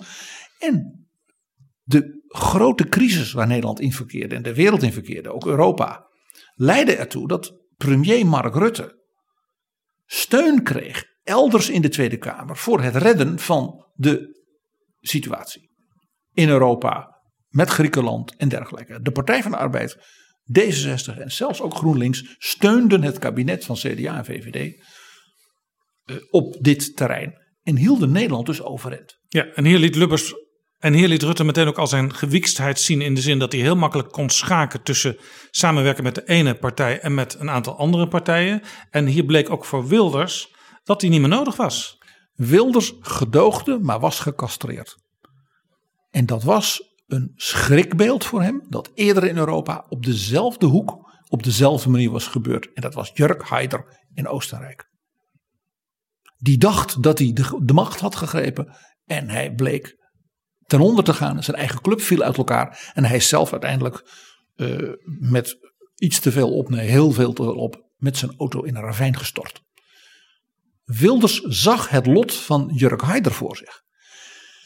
Dat kwam ook nog dat hij in 2011, dus het kabinet was net aangetreden, had gezegd: wij gaan meedoen met de provinciale statenverkiezingen en ook in de gemeenten.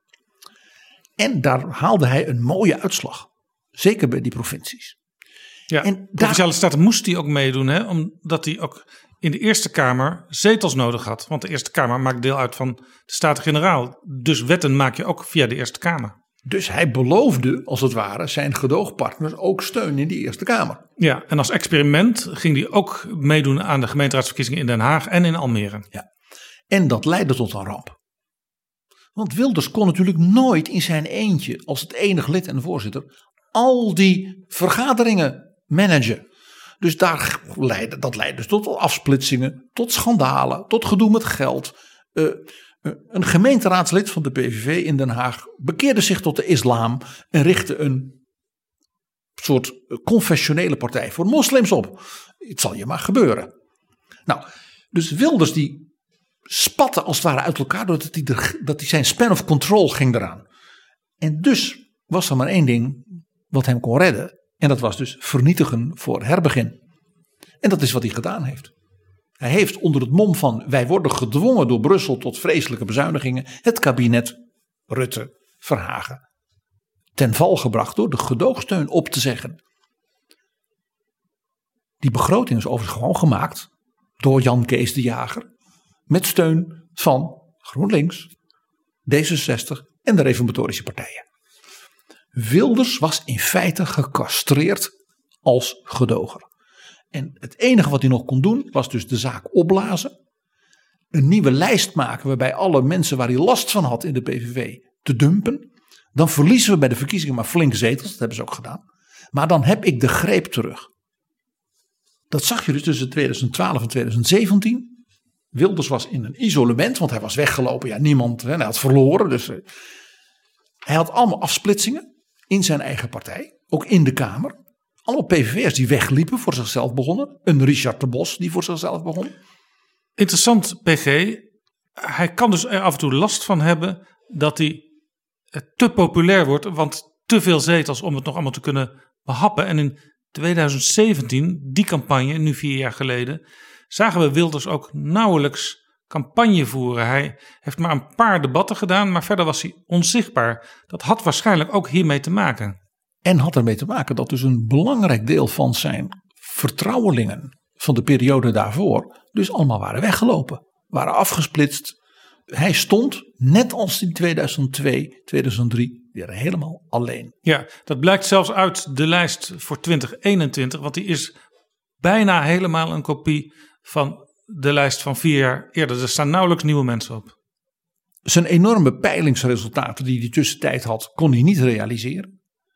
En we hadden het al over de kabinetsformatie 2017. Die was in dat opzicht cruciaal. Want toen kwamen dus die twee brieven. Op verzoek van informateur Cenk Willink. Van de heren Rutte en Buma. En in die brieven melden zij in zeer gespierde taal.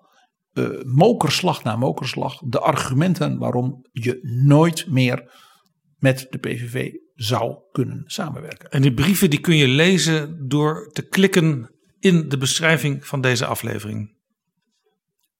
ik heb zelden, persoonlijk omdat ik natuurlijk een man als Buma ook ken, zo'n felle, ook emotionele uh, formuleringen uh, uit de pen van Siebrand Buma gezien. Die toch een hele nette, wat bestuurlijke CHU-man uit Friesland is. Maar ook de brief van Mark Rutte mag er wezen. Ja. Er is dus ook geen twijfel dat die partijen CDA en VVD ooit dus nog met die PVV zouden samengaan. Dat daar voortdurend weer om wordt gevraagd, Is, is overbodig. Het, was, het, was, het was een vrijwel permanente exclusie van de PVV. Ja, ten principale. Uh, Buma wees erop dat als je de grondwettelijke vrijheid van geloof aan één groep in Nederland afpakt, dat je hem van iedereen afpakt en dat je daarmee de grondwet dus fundamenteel schendt en alle verdragen op het gebied van mening, ja. geloof en, dit, en geweten. Die ene groep volledig wegzetten, dat is eigenlijk de kern van het gedachtegoed van, van Wilders. Het staat ook ergens in het verkiezingsprogramma nu eh, dat uh, artikel 23 van de grondwet moet uiteraard gehandhaafd blijven, behalve voor moslims. En daarmee is hij dus afgeschaft. Zeg ik dan in lijn met Sibrand Buma. Wat er vervolgens gebeurde, dat is iets heel geks wat ik nu ga zeggen. Hij is enorm geholpen door het doodspoor waar hij dus nu op was terechtgekomen in 17. Want in 2019 stortte de PVV feitelijk in. Ze raakten in provinciale staten, in het Europees Parlement, in de Eerste Kamer en in die gemeenteraden bijna alle zetels kwijt. En dan denk je dat is een drama. Zie de SP die dat ook overkwam en daar was het een drama. Voor Wilders was het een zegen. Want tegelijkertijd kwam er een rivaal op, namelijk Forum voor Democratie. Ja, Thierry Baudet. Sociaal Darwinisme, als er een nieuwe soort opkomt, hè, zoals bij Darwin, die nog beter is aangepast op de natuur dan jij, dan ga jij dood en hij leeft. En Wilders had dus nu het voordeel van het nadeel. Het is heel kruif. Hij had dus geen Eerste Kamer nauwelijks meer. Hij had nauwelijks nog provinciale staten. Hij had geen Europees parlement meer. Dus daar hoefde hij niet meer zijn span of control op te lichten. Hij kon zich helemaal focussen op waar hij zo ontzettend goed in is. De Tweede Kamer. Ja, en dan vooral ook de plenaire zaal. Want aan de commissievergadering doet hij eigenlijk nooit mee. Het is het nationale politieke toneel waar hij glorieert. En die focus kon hij dus helemaal concentreren. En zijn partij was door het zware verlies in feite gesaneerd. Het omgekeerde dus van wat er met Baudet gebeurde. Die maar twee kamerzetels had. Maar heel veel pretentie van wat er daarbuiten allemaal gebeurde. En daarmee bezig was. En Wilders deed precies waar hij goed in was. Die liet dus zien hoe knap hij dat kan. Er was zelfs één moment waarin Wilders Baudet in feite op de vingers stikte in de plenaire zaal. De heer Wilders. Ja, voorzitter. Ik heb een vraag aan uh, collega Baudet. Ik hoorde hem net uh, zeggen dat toen de premier ehm, gewacht kreeg van de, um, ja, de leugen van de heer Zelstra, waarom heeft hij hem toen niet met stille trom laten vertrekken? Dat heb ik u toch goed uh, horen zeggen? Correct. Um, Ambtsgenoot Wilders. Ik heb ambtgenoot uh, Baudin. ik heb, uh, voorzitter, even opgezocht wat het betekent met de stille trom vertrekken. Maar met de stille trom vertrekken betekent ja, onopgemerkt eh, stilletjes eh, vertrekken. Is dat wat u had gewild? Ja, dat had, ik een, uh, dat had ik een goede oplossing gevonden voor deze situatie om de Nederlandse positie in het buitenland te beschermen. Ja, voorzitter, dat, dat snap ik niet. Dat was verder een, uh, een mooi betoog van de heer Baudet, maar dat snap ik dus echt niet. Want wat de minister-president had moeten doen, is niet de minister van Buitenlandse Zaken met stille trom moeten laten vertrekken. Hij had een brief naar de Kamer moeten sturen, zodat wij, want dat zijn we tegenwoordig, collega's, volksvertegenwoordigers, dat wij, hier, dat wij hier de minister van Buitenlandse Zaken ter verantwoording hadden kunnen roepen. En niet met de stille trom, maar met de luide trom hadden moeten laten vertrekken. Met de stille trom betekent, niemand weet het, stiekem, onder de VVD, ga jij nog maar weghalven, dan komt niemand daarachter. De minister-president had het aan de Kamer moeten melden. En wij hadden hier een debat moeten voeren in alle openheid en niet met de stille trom. De heer Baudet. Ja, ik zit even na te denken of ik het daarmee eens ben of niet. Voorzitter, het is, het is altijd goed als u een keer goed gaat uh, nadenken. Ik, uh, ik uh, juich dat van harte toe. Maar uw variant, dus ik zou er maar niet te lang over nadenken als ik u was. Want uw variant eh, namelijk in het landsbelang met de stille ton vertrekken, betekent dat u de Tweede Kamer buitenspel zet. En uw rol nu is lid van de Tweede Kamer. Lid van de Tweede Kamer betekent dat wij het kabinet controleren. En als het zo zou zijn, het lijkt bijna op kartelpolitiek. Als het zo zou zijn, als het zo zou zijn dat de VVD-bewindslieden onderling iets kunnen afspreken, de Kamer niet informeren en iemand naar huis sturen, dat is niet waarvoor uw partij is opgericht. Hier hoor je Geert Wilders in de rol die Henk Otten had moeten spelen. Iemand die Baudet richting geeft, oriëntatie geeft. En Baudet blijkbaar het van Geert Wilders van Rempel nog pikt ook. Dat zegt iets van dus de kwaliteit, mag ik zeggen, de parlementaire klasse van een man als Geert Wilders, de klassieke Haagse politicus. De beste bondgenoten van Geert Wilders in deze periode, 2019, 2020, waren dan ook de heren Otten en Krol. Want die hebben beide bijgedragen aan het vernietigen van de grote concurrenten voor de PVV. Op rechts, Forum en dat soort gedoe. En in het zuiden van het land 50 plus. Ja. En dus, Jaap, we hebben het er eerder over gehad. Geert Wilders voert inderdaad, zoals ik dat noemde, de Adenauer aanpak. Keine experimentenstrategie. En het is dus nog maar de vraag of we hem in deze verkiezingscampagne eh, wat meer gaan zien dan vier jaar geleden. Het zou best kunnen dat hij ook dat weer herhaalt. Hij heeft natuurlijk geen nummers twee in de campagne. Hij heeft geen Renske Leijten. Hij heeft geen Pieter Omzicht. Fleur Agema is natuurlijk wel een beetje het zorgkamerlid van de PVV. Maar treedt niet op als de vervanger. Af en toe. Maar niet strategisch, niet inhoudelijk. Zij mag kumerer spelen. We zien dus nu twee dingen, Jaap. Ten eerste, Geert Wilders verslaat alle anderen op de flanken van het populisme moeiteloos. Hij is de grote smurf. De rest zijn knoeiers, krabbelaars. Zie ook die opnames van Dion Graus. Wat ze over elkaar zeggen, het is niet te geloven. Het is de strijd van iedereen tegen iedereen. En er is er maar één de baas. Ja, het blijkt ook uit eigenlijk alles wat je hoort uit die fractie. Ook de mensen die er bijvoorbeeld uit zijn gegaan en erover geschreven hebben. Daar heerst een permanente interne angstcultuur. Ook tussen medewerkers en dergelijke. Ja, en want iedereen wacht af. Wat zal de grote smurf besluiten? Ik heb een verhaal van een minister bij de regeringsverklaring van het kabinet Balken en de Vier. Wilders zat dus daar met zijn negen zetels voor de PVV, de eerste keer. Ja, de oude negen noemt Dion Graus die groep. Nostalgie ook hier weer. En Wilders mocht dus nu voor het eerst als fractieleider van een ja, middelgrote fractie stralen en dus dat doen waar hij zo goed in is. De algemene beschouwingen, een motie van afkeuring. Nou, we, we kennen al zijn trucs. En hij houdt dus een enorme speech, zoveel minuten. En voorzitter, dit kabinet is een ramp voor Nederland. Ze waren net aangetreden, ja. Maar het was al een ramp. En die minister die roept vanuit vak K, dus het staat niet in de handelingen, in het Limburgs. Du bist une. Wat betekent dat? En Wilders draait zich om, kijkt boos en begint te grijnzen. En de collega van deze minister, van een andere partij, die vraagt: Wat zei jij? Een kuus, du bis une kuus. Jij bent een. Kuus is Frans cochon. Een big, een varken, een boef. Je bent een boef. Dus het was verwijteld en. Waarderend. Uh, en, en waarderend. En vandaar dus een boze blik en toen de grijns. Want Limburgers die snappen dat van elkaar. Een kuus. Een boef. En daarin verslaat hij ze dus allemaal. En dat is een tweede ding. Wilders heeft zijn monopolie kunnen behouden. Ondanks de opkomst van Fortuin. En we hebben nu Annabel en wat ze, allemaal heten. En code dit wat en dat. Maar hij houdt zijn monopolie op de obsessie in de media.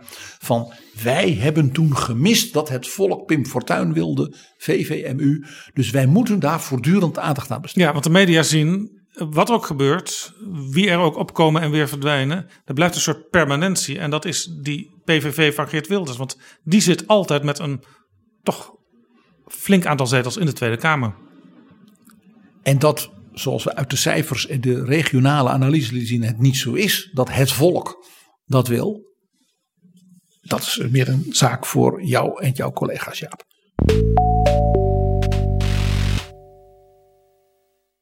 PG, dit was een uitgebreid en diepgaand verhaal over afkomst, opkomst en verdere weerdegang van Geert Wilders als politicus en zijn project 15 jaar PVV. Wat leren we hieruit? Um, vier dingen, Jaap. Eén, hij meent het. Dat is een essentieel ding. Het idee dat ik nog te vaak hoor van ja, dat doet hij goed. Ja, vaktechnisch. Maar dat is dus niet een act die hij opvoert. Geert Wilders meent het. Ja, die raketten op zijn nek, s'nachts in die kibbutz als tiener, twintiger. Dat is iets waar hij letterlijk nog steeds wakker van ligt. Ja, en zijn permanent onderduik nu? Dat is allemaal onderdeel. Hij meent dat echt. Als hij dus zegt dat hij wil deporteren, dan meent hij dat ook letterlijk. Als hij zegt die scholen en de gebedshuizen en uh, het sociaal werk en wat dan niet van mensen met een geloof dat hem niet aanstaat, maakt dus niet uit welk geloof, dan meent hij dat. Als hij zegt mensen moeten hun burgerrechten worden ontnomen, dan meent hij dat. Als hij zegt dat er in het leger niemand mag zitten met een dubbel paspoort of zo, dan meent hij dat. Het is geen spielerij. En ik zeg iets heel ondeugends, ja. Wij kennen een aantal landen in de wereld waar een dergelijk zeg maar, principe wordt gehandhaafd. En het ene, dat is in Teheran en het andere is in Riyadh. Het is een seculiere versie van het salafisme. Je mag in Saudi-Arabië geen kerken. Laat staan een shul. Dus hij bestrijdt iets. Wat hij is. En hij bereikt eigenlijk iets vergelijkbaars. Als hij succes zou hebben daarin. Het is een heel merkwaardig soort identificatie. Op een bepaalde manier, ja, ik zeg het met enige humor. Ja, op een bepaalde manier is Geert Wilders de prins Mohammed bin Salman van de Tweede Kamer. En we hebben hier een prachtig, prachtig moment in onze parlementaire geschiedenis voor. Een interruptiedebat tussen Geert Wilders, de, ja, de, de topper in het parlementaire spel en debat. En iemand die als staatsrechtgeleerde en ook fractieleider op dat punt er ook wat van kon, Sibrand Buma. Ja, heel en die raakten met elkaar in debat. En toen gebeurde er iets heel, heel intens ook. We pakken ze hun, nou ja, u noemt het gebedshuizen, ik noem het haatpaleizen af. En hoe eerder we dat doen. De Onthoud wel even wat u zegt. We doen de mensen niks aan. We nemen alleen hun moskeeën af. Dan moet ik even bedenken wat dat bij mij zou betekenen. We doen die Buma niks aan, maar zijn kerk gaat dicht. Dat is niet normaal. Maar dus als u dat doet, maar wel als, u, als u dat doet, dan wil ik gewoon van u weten dat u, u wilt gewoon niet zeggen namelijk. U wilt gewoon niet zeggen hier, eerlijk aan de Nederlanders, wat het Nederland dat u wil is. Hoe dat eruit ziet. En ik wil dat u dat wel zegt. Als u zegt tegen je zin een moskee sluiten, gaat u de politie naar alle moskeeën sturen? Gaat u de politie naar de huizen sturen om daar de Korans uit te halen? Zo niet, dan is het gewoon een fars wat u zegt van sluit de moskeeën en de, de Korans weg. Als u het wel doet, dan is dat het eerlijke verhaal van uw Nederland. Maar ik zeg tegen al die Nederlanders die denken dat het verhaal van Geert Wilders zo mooi is. In dat verhaal, waar de politie, in dat land waar de politie daarvoor ingezet wordt, wil je niet wonen. Nou, ik denk dat je juist in dat land wil wonen. Ik denk dat je juist in dat land je vrijheid houdt. Maar toch vind ik dit wel voor. Ja, ik, ik, ik, ik, we gaan een beetje door met deze interruptie, omdat dit wel toch blootlegt wat het land echt is. Want tot nu toe had ik niet zo voor de geest. En ik dacht, ik vraag het, maar hij zal het wel niet menen. Dat u werkelijk bedoelt dat de politie in Nederland met geweld zo nodig... Want dat gaat natuurlijk niet vanzelf. Moskeeën gaat sluiten. 300 ongeveer. Dat daadwerkelijk bij mensen thuis, collega's hier in de Kamer... ikzelf trouwens ook, naar huis gegaan moet worden om een Koran weg te halen. Weet u wel wat u doet met dit land? Dat maakt het land kapot. En vervolgens zeggen wij tegen Saoedi-Arabië... Ja, je moet wel christenen toelaten, die mag je niet vervolgen. Dit is gewoon precies hetzelfde. Mevrouw de voorzitter, dit is de enige methode om Nederland een vrij land te houden. Dit is de enige methode om ervoor te zorgen dat u en uw familie, dat onze kinderen en kleinkinderen vrije mensen blijven. Als wij toestaan dat er vanuit moskeeën haat en geweld wordt gepredikt. Als wij toestaan dat we Mein Kampf verbieden, maar de Koran gewoon laten verspreiden. Als wij toestaan dat we terroristen met de asielstroom mee laten gaan. Als wij toestaan dat we onze grenzen openzetten en die honderdduizenden, die miljoenen mensen uit Afrika hier naartoe komen. Dan is het gedaan met Nederland. De heer Zijstra. Voorzitter, dat heet een dictatuur. Voorzitter, dat heet vrijheid. Heel interessant, PG, wat hier gebeurt. Buma die vraagt dus in feite naar de, de consequenties, de, de, de praktische consequenties van wat Wilders wil. En dat gebeurt niet zo vaak, want meestal is het, het is een schande wat u daar roept, punt. En hij, wat Buma nu doet, is dus typisch de staatsrechtgeleerde. Als we zo'n wet invoeren, welk zeg maar, implementatietraject, eh, hè, wat moet Duo in Groningen dan aan regels, hoe gaat u dat doen? Vanuit de gedachte dat zegt, ja, dat, eh, dat is. Nee, Wilders gaat daar dus zeer consequent, dat moet je hem toegeven. Jede consequent vuurt zum Teufel, zei Goethe al. Consequent op in. En de staatsrechtgeleerde Buma, die- je hoort bijna dat muntje langzaam vallen. Die denkt, hoor ik wat ik hoor? Antwoord is ja, je hoort wat je hoort. De propagandist van de, wat je altijd noemt de VVMU, de vrijheid van meningsuiting, blijkt bereid te zijn een boekenpolitie op elke Nederlander af te sturen. Als ware hij een ayatollah. Hij meent het echt. Twee. Heel kenmerkend zagen we in het hele verhaal. Niemand is onmisbaar. Nergens en nooit. Het is een eeuwige stoelendans. Het is een spel met alleen maar nieten. Niemand is zeker van zijn bestaan in de PVV. Is kenmerkend ervoor op één na, los van Wilders. Dion Graus. Een derde punt wat je ook ziet is dat die Trumpiaanse kant van feelings zijn dominant. Zich dus vertaalt in het vertolken van obsessies. En het kenmerk daarvan is dat het zich natuurlijk in, van nature verhevigt. Als ze niet ja, zeg maar, genezen worden of weggenomen worden, dan wordt het erger. Je ziet dus nu dat, eh, je hoort Wilders bijvoorbeeld nooit meer over een mevrouw Le Pen. Over Salvini, die nu gewoon meedoet met Mario Draghi, Ja, de baas van de euro. Eh, je hoort hem ook nooit meer over de FPE, want die is natuurlijk in corruptie ja, in elkaar gedonderd. eh, achter hij eraan datzelfde ja, ravijn. ja, zelfs Trump is niet meer het grote voorbeeld. Want die heeft Iran laten wegkomen. Laten we er nu mee draaien. Er is maar één die nog overeind staat. Dat is Vladimir Poetin. En dat zie je dus ook dat de PVV zich in Europa ook wegschuift. Je ziet nu dat de PVV zich eh, oriënteert op Polen. Eh, er is een soort Orbán-cultus aan het ontstaan. eh, in die hoek. Hongarije. En dat is dus de Poetin-vleugel. Het anti-Oekraïne aspect heeft daar alles mee te maken. Ja, heel interessant ook dat in het verkiezingsprogramma met name ook benadrukt wordt dat er een goede relatie moet zijn tussen Nederland, het onafhankelijke Nederland uit Europa getreden, met de Russische Federatie. I rest my case, om het eens in het Russisch te zeggen. Eh, ik ga een voorspelling doen, Jaap, voor de luisteraars. Geert wordt de grote smurf en de grote pacifist. Pacifist. Grote pacifist. Geert Wilders gaat zeggen: waarom moeten wij zoveel meer aan defensie besteden? Dat, die, die Ank de Tank die roept dat wel. En alle partijen roepen dat. En Joe Biden roept dat. En eh, ja, maar dat willen wij helemaal niet. En die Merkel die doet enorm de best, daar ben ik allemaal tegen. We moeten juist met die Poetin praten. En dat, e- die tientallen miljarden, die moeten naar de AOW, die moeten naar de zorg, die moeten naar de pensioenen, er moet meer politie op straat. En onze soldaten moeten onze grenzen beter bewaken. Ja, als je het verkiezingsprogramma leest, dan zie je inderdaad dat Nederland eigenlijk niet meer moet meedoen met internationale missies. En dat soldaten moeten de grenzen bewaken van dat onafhankelijke Nederland en onze straten weer veilig maken. Dus je ziet overal uniformen verschijnen.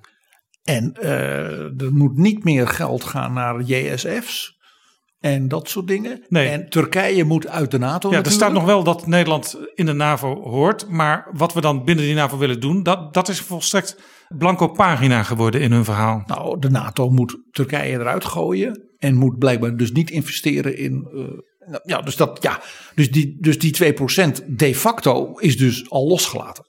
Geert Wilders wordt de grote pacifist. En nog een ding. Die voortdurende discussie, we hadden er al even over, hè, dat sommige partijen moeten altijd weer een eed zweren dat ze nooit met die partij samengaan. is volkomen overbodig. Geert Wilders wil niet meedoen. Hij gaat nooit meedoen. Nee, maar ondertussen speelt hij wel, en dat blijft hij ook doen, met het beeld van ik Geert de verstotene. Maar dat past bij dat slachtofferaspect. Die optelsom van individuele uh, angstgevoelens. Op één plek na. Er is natuurlijk altijd één plek hè, als het dorpje van Asterix. En dat is de provincie Limburg. Geert Wilders doet mee in Limburg als hij maar kan. Ja, er zit nu ook een PVV'er in het college van gedeputeerde staten. En dat is een soort, ook een, weer een soort gedoogconstructie. Want die mensen zitten er officieel niet namens hun partij. Maar ze zijn wel lid van die partij, onder andere de PVV. Zodat hij, de man die dus in Limburg ja, niet werd gezien, kan blijven bewijzen, hè, samen met Dion, het duo. Wij komen op voor ons soort mensen, voor soervlees, voor subsidies voor carnavalsverenigingen, schutterijen en al die dingen die de provincie mooi kan doen. En ik verneder daarmee natuurlijk de elite in Limburg van CDA en VVD die van mij afhankelijk zijn. De door hem gehate CDK Theo Bovens, vanwege wat er in 2010 gebeurde. Maar denk ook aan de burgemeester van Maastricht, die de chef van het OM was, die Dion Graus zou vervolgen. En Ger Koopmans van het CDA laat zich daarmee lijmen, zeg ik er dan bij. PG en Dion Graus, hoe moeten we daarnaar kijken? Want dat, dat lijkt toch wel een, een, een lastige positie voor Wilders. Hij heeft Dion Graus altijd gesteund en eerder in jouw verhaal zei je ook al, dat blijft ook zo. Want ze hebben een soort van gezamenlijk geboorteverhaal in de politiek. Ja, ja. Ze zijn een soort Siamese tweeling. Uh, Dion Graus is een tikkende tijdbom. En ja, uh, opnames, dat is net als de bandjes van Nixon. Ooit lekt het uit, ooit zullen we het horen of zien. En ooit keert het zich tegen je. Dankjewel, PG.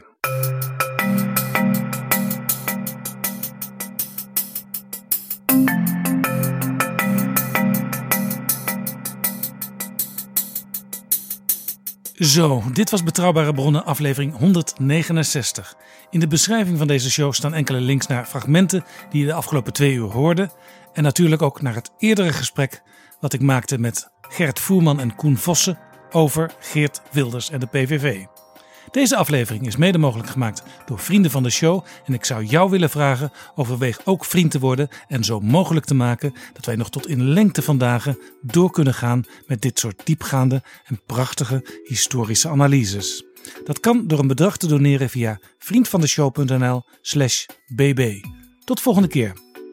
Betrouwbare bronnen wordt gemaakt door Jaap Jansen in samenwerking met dag en nacht.nl.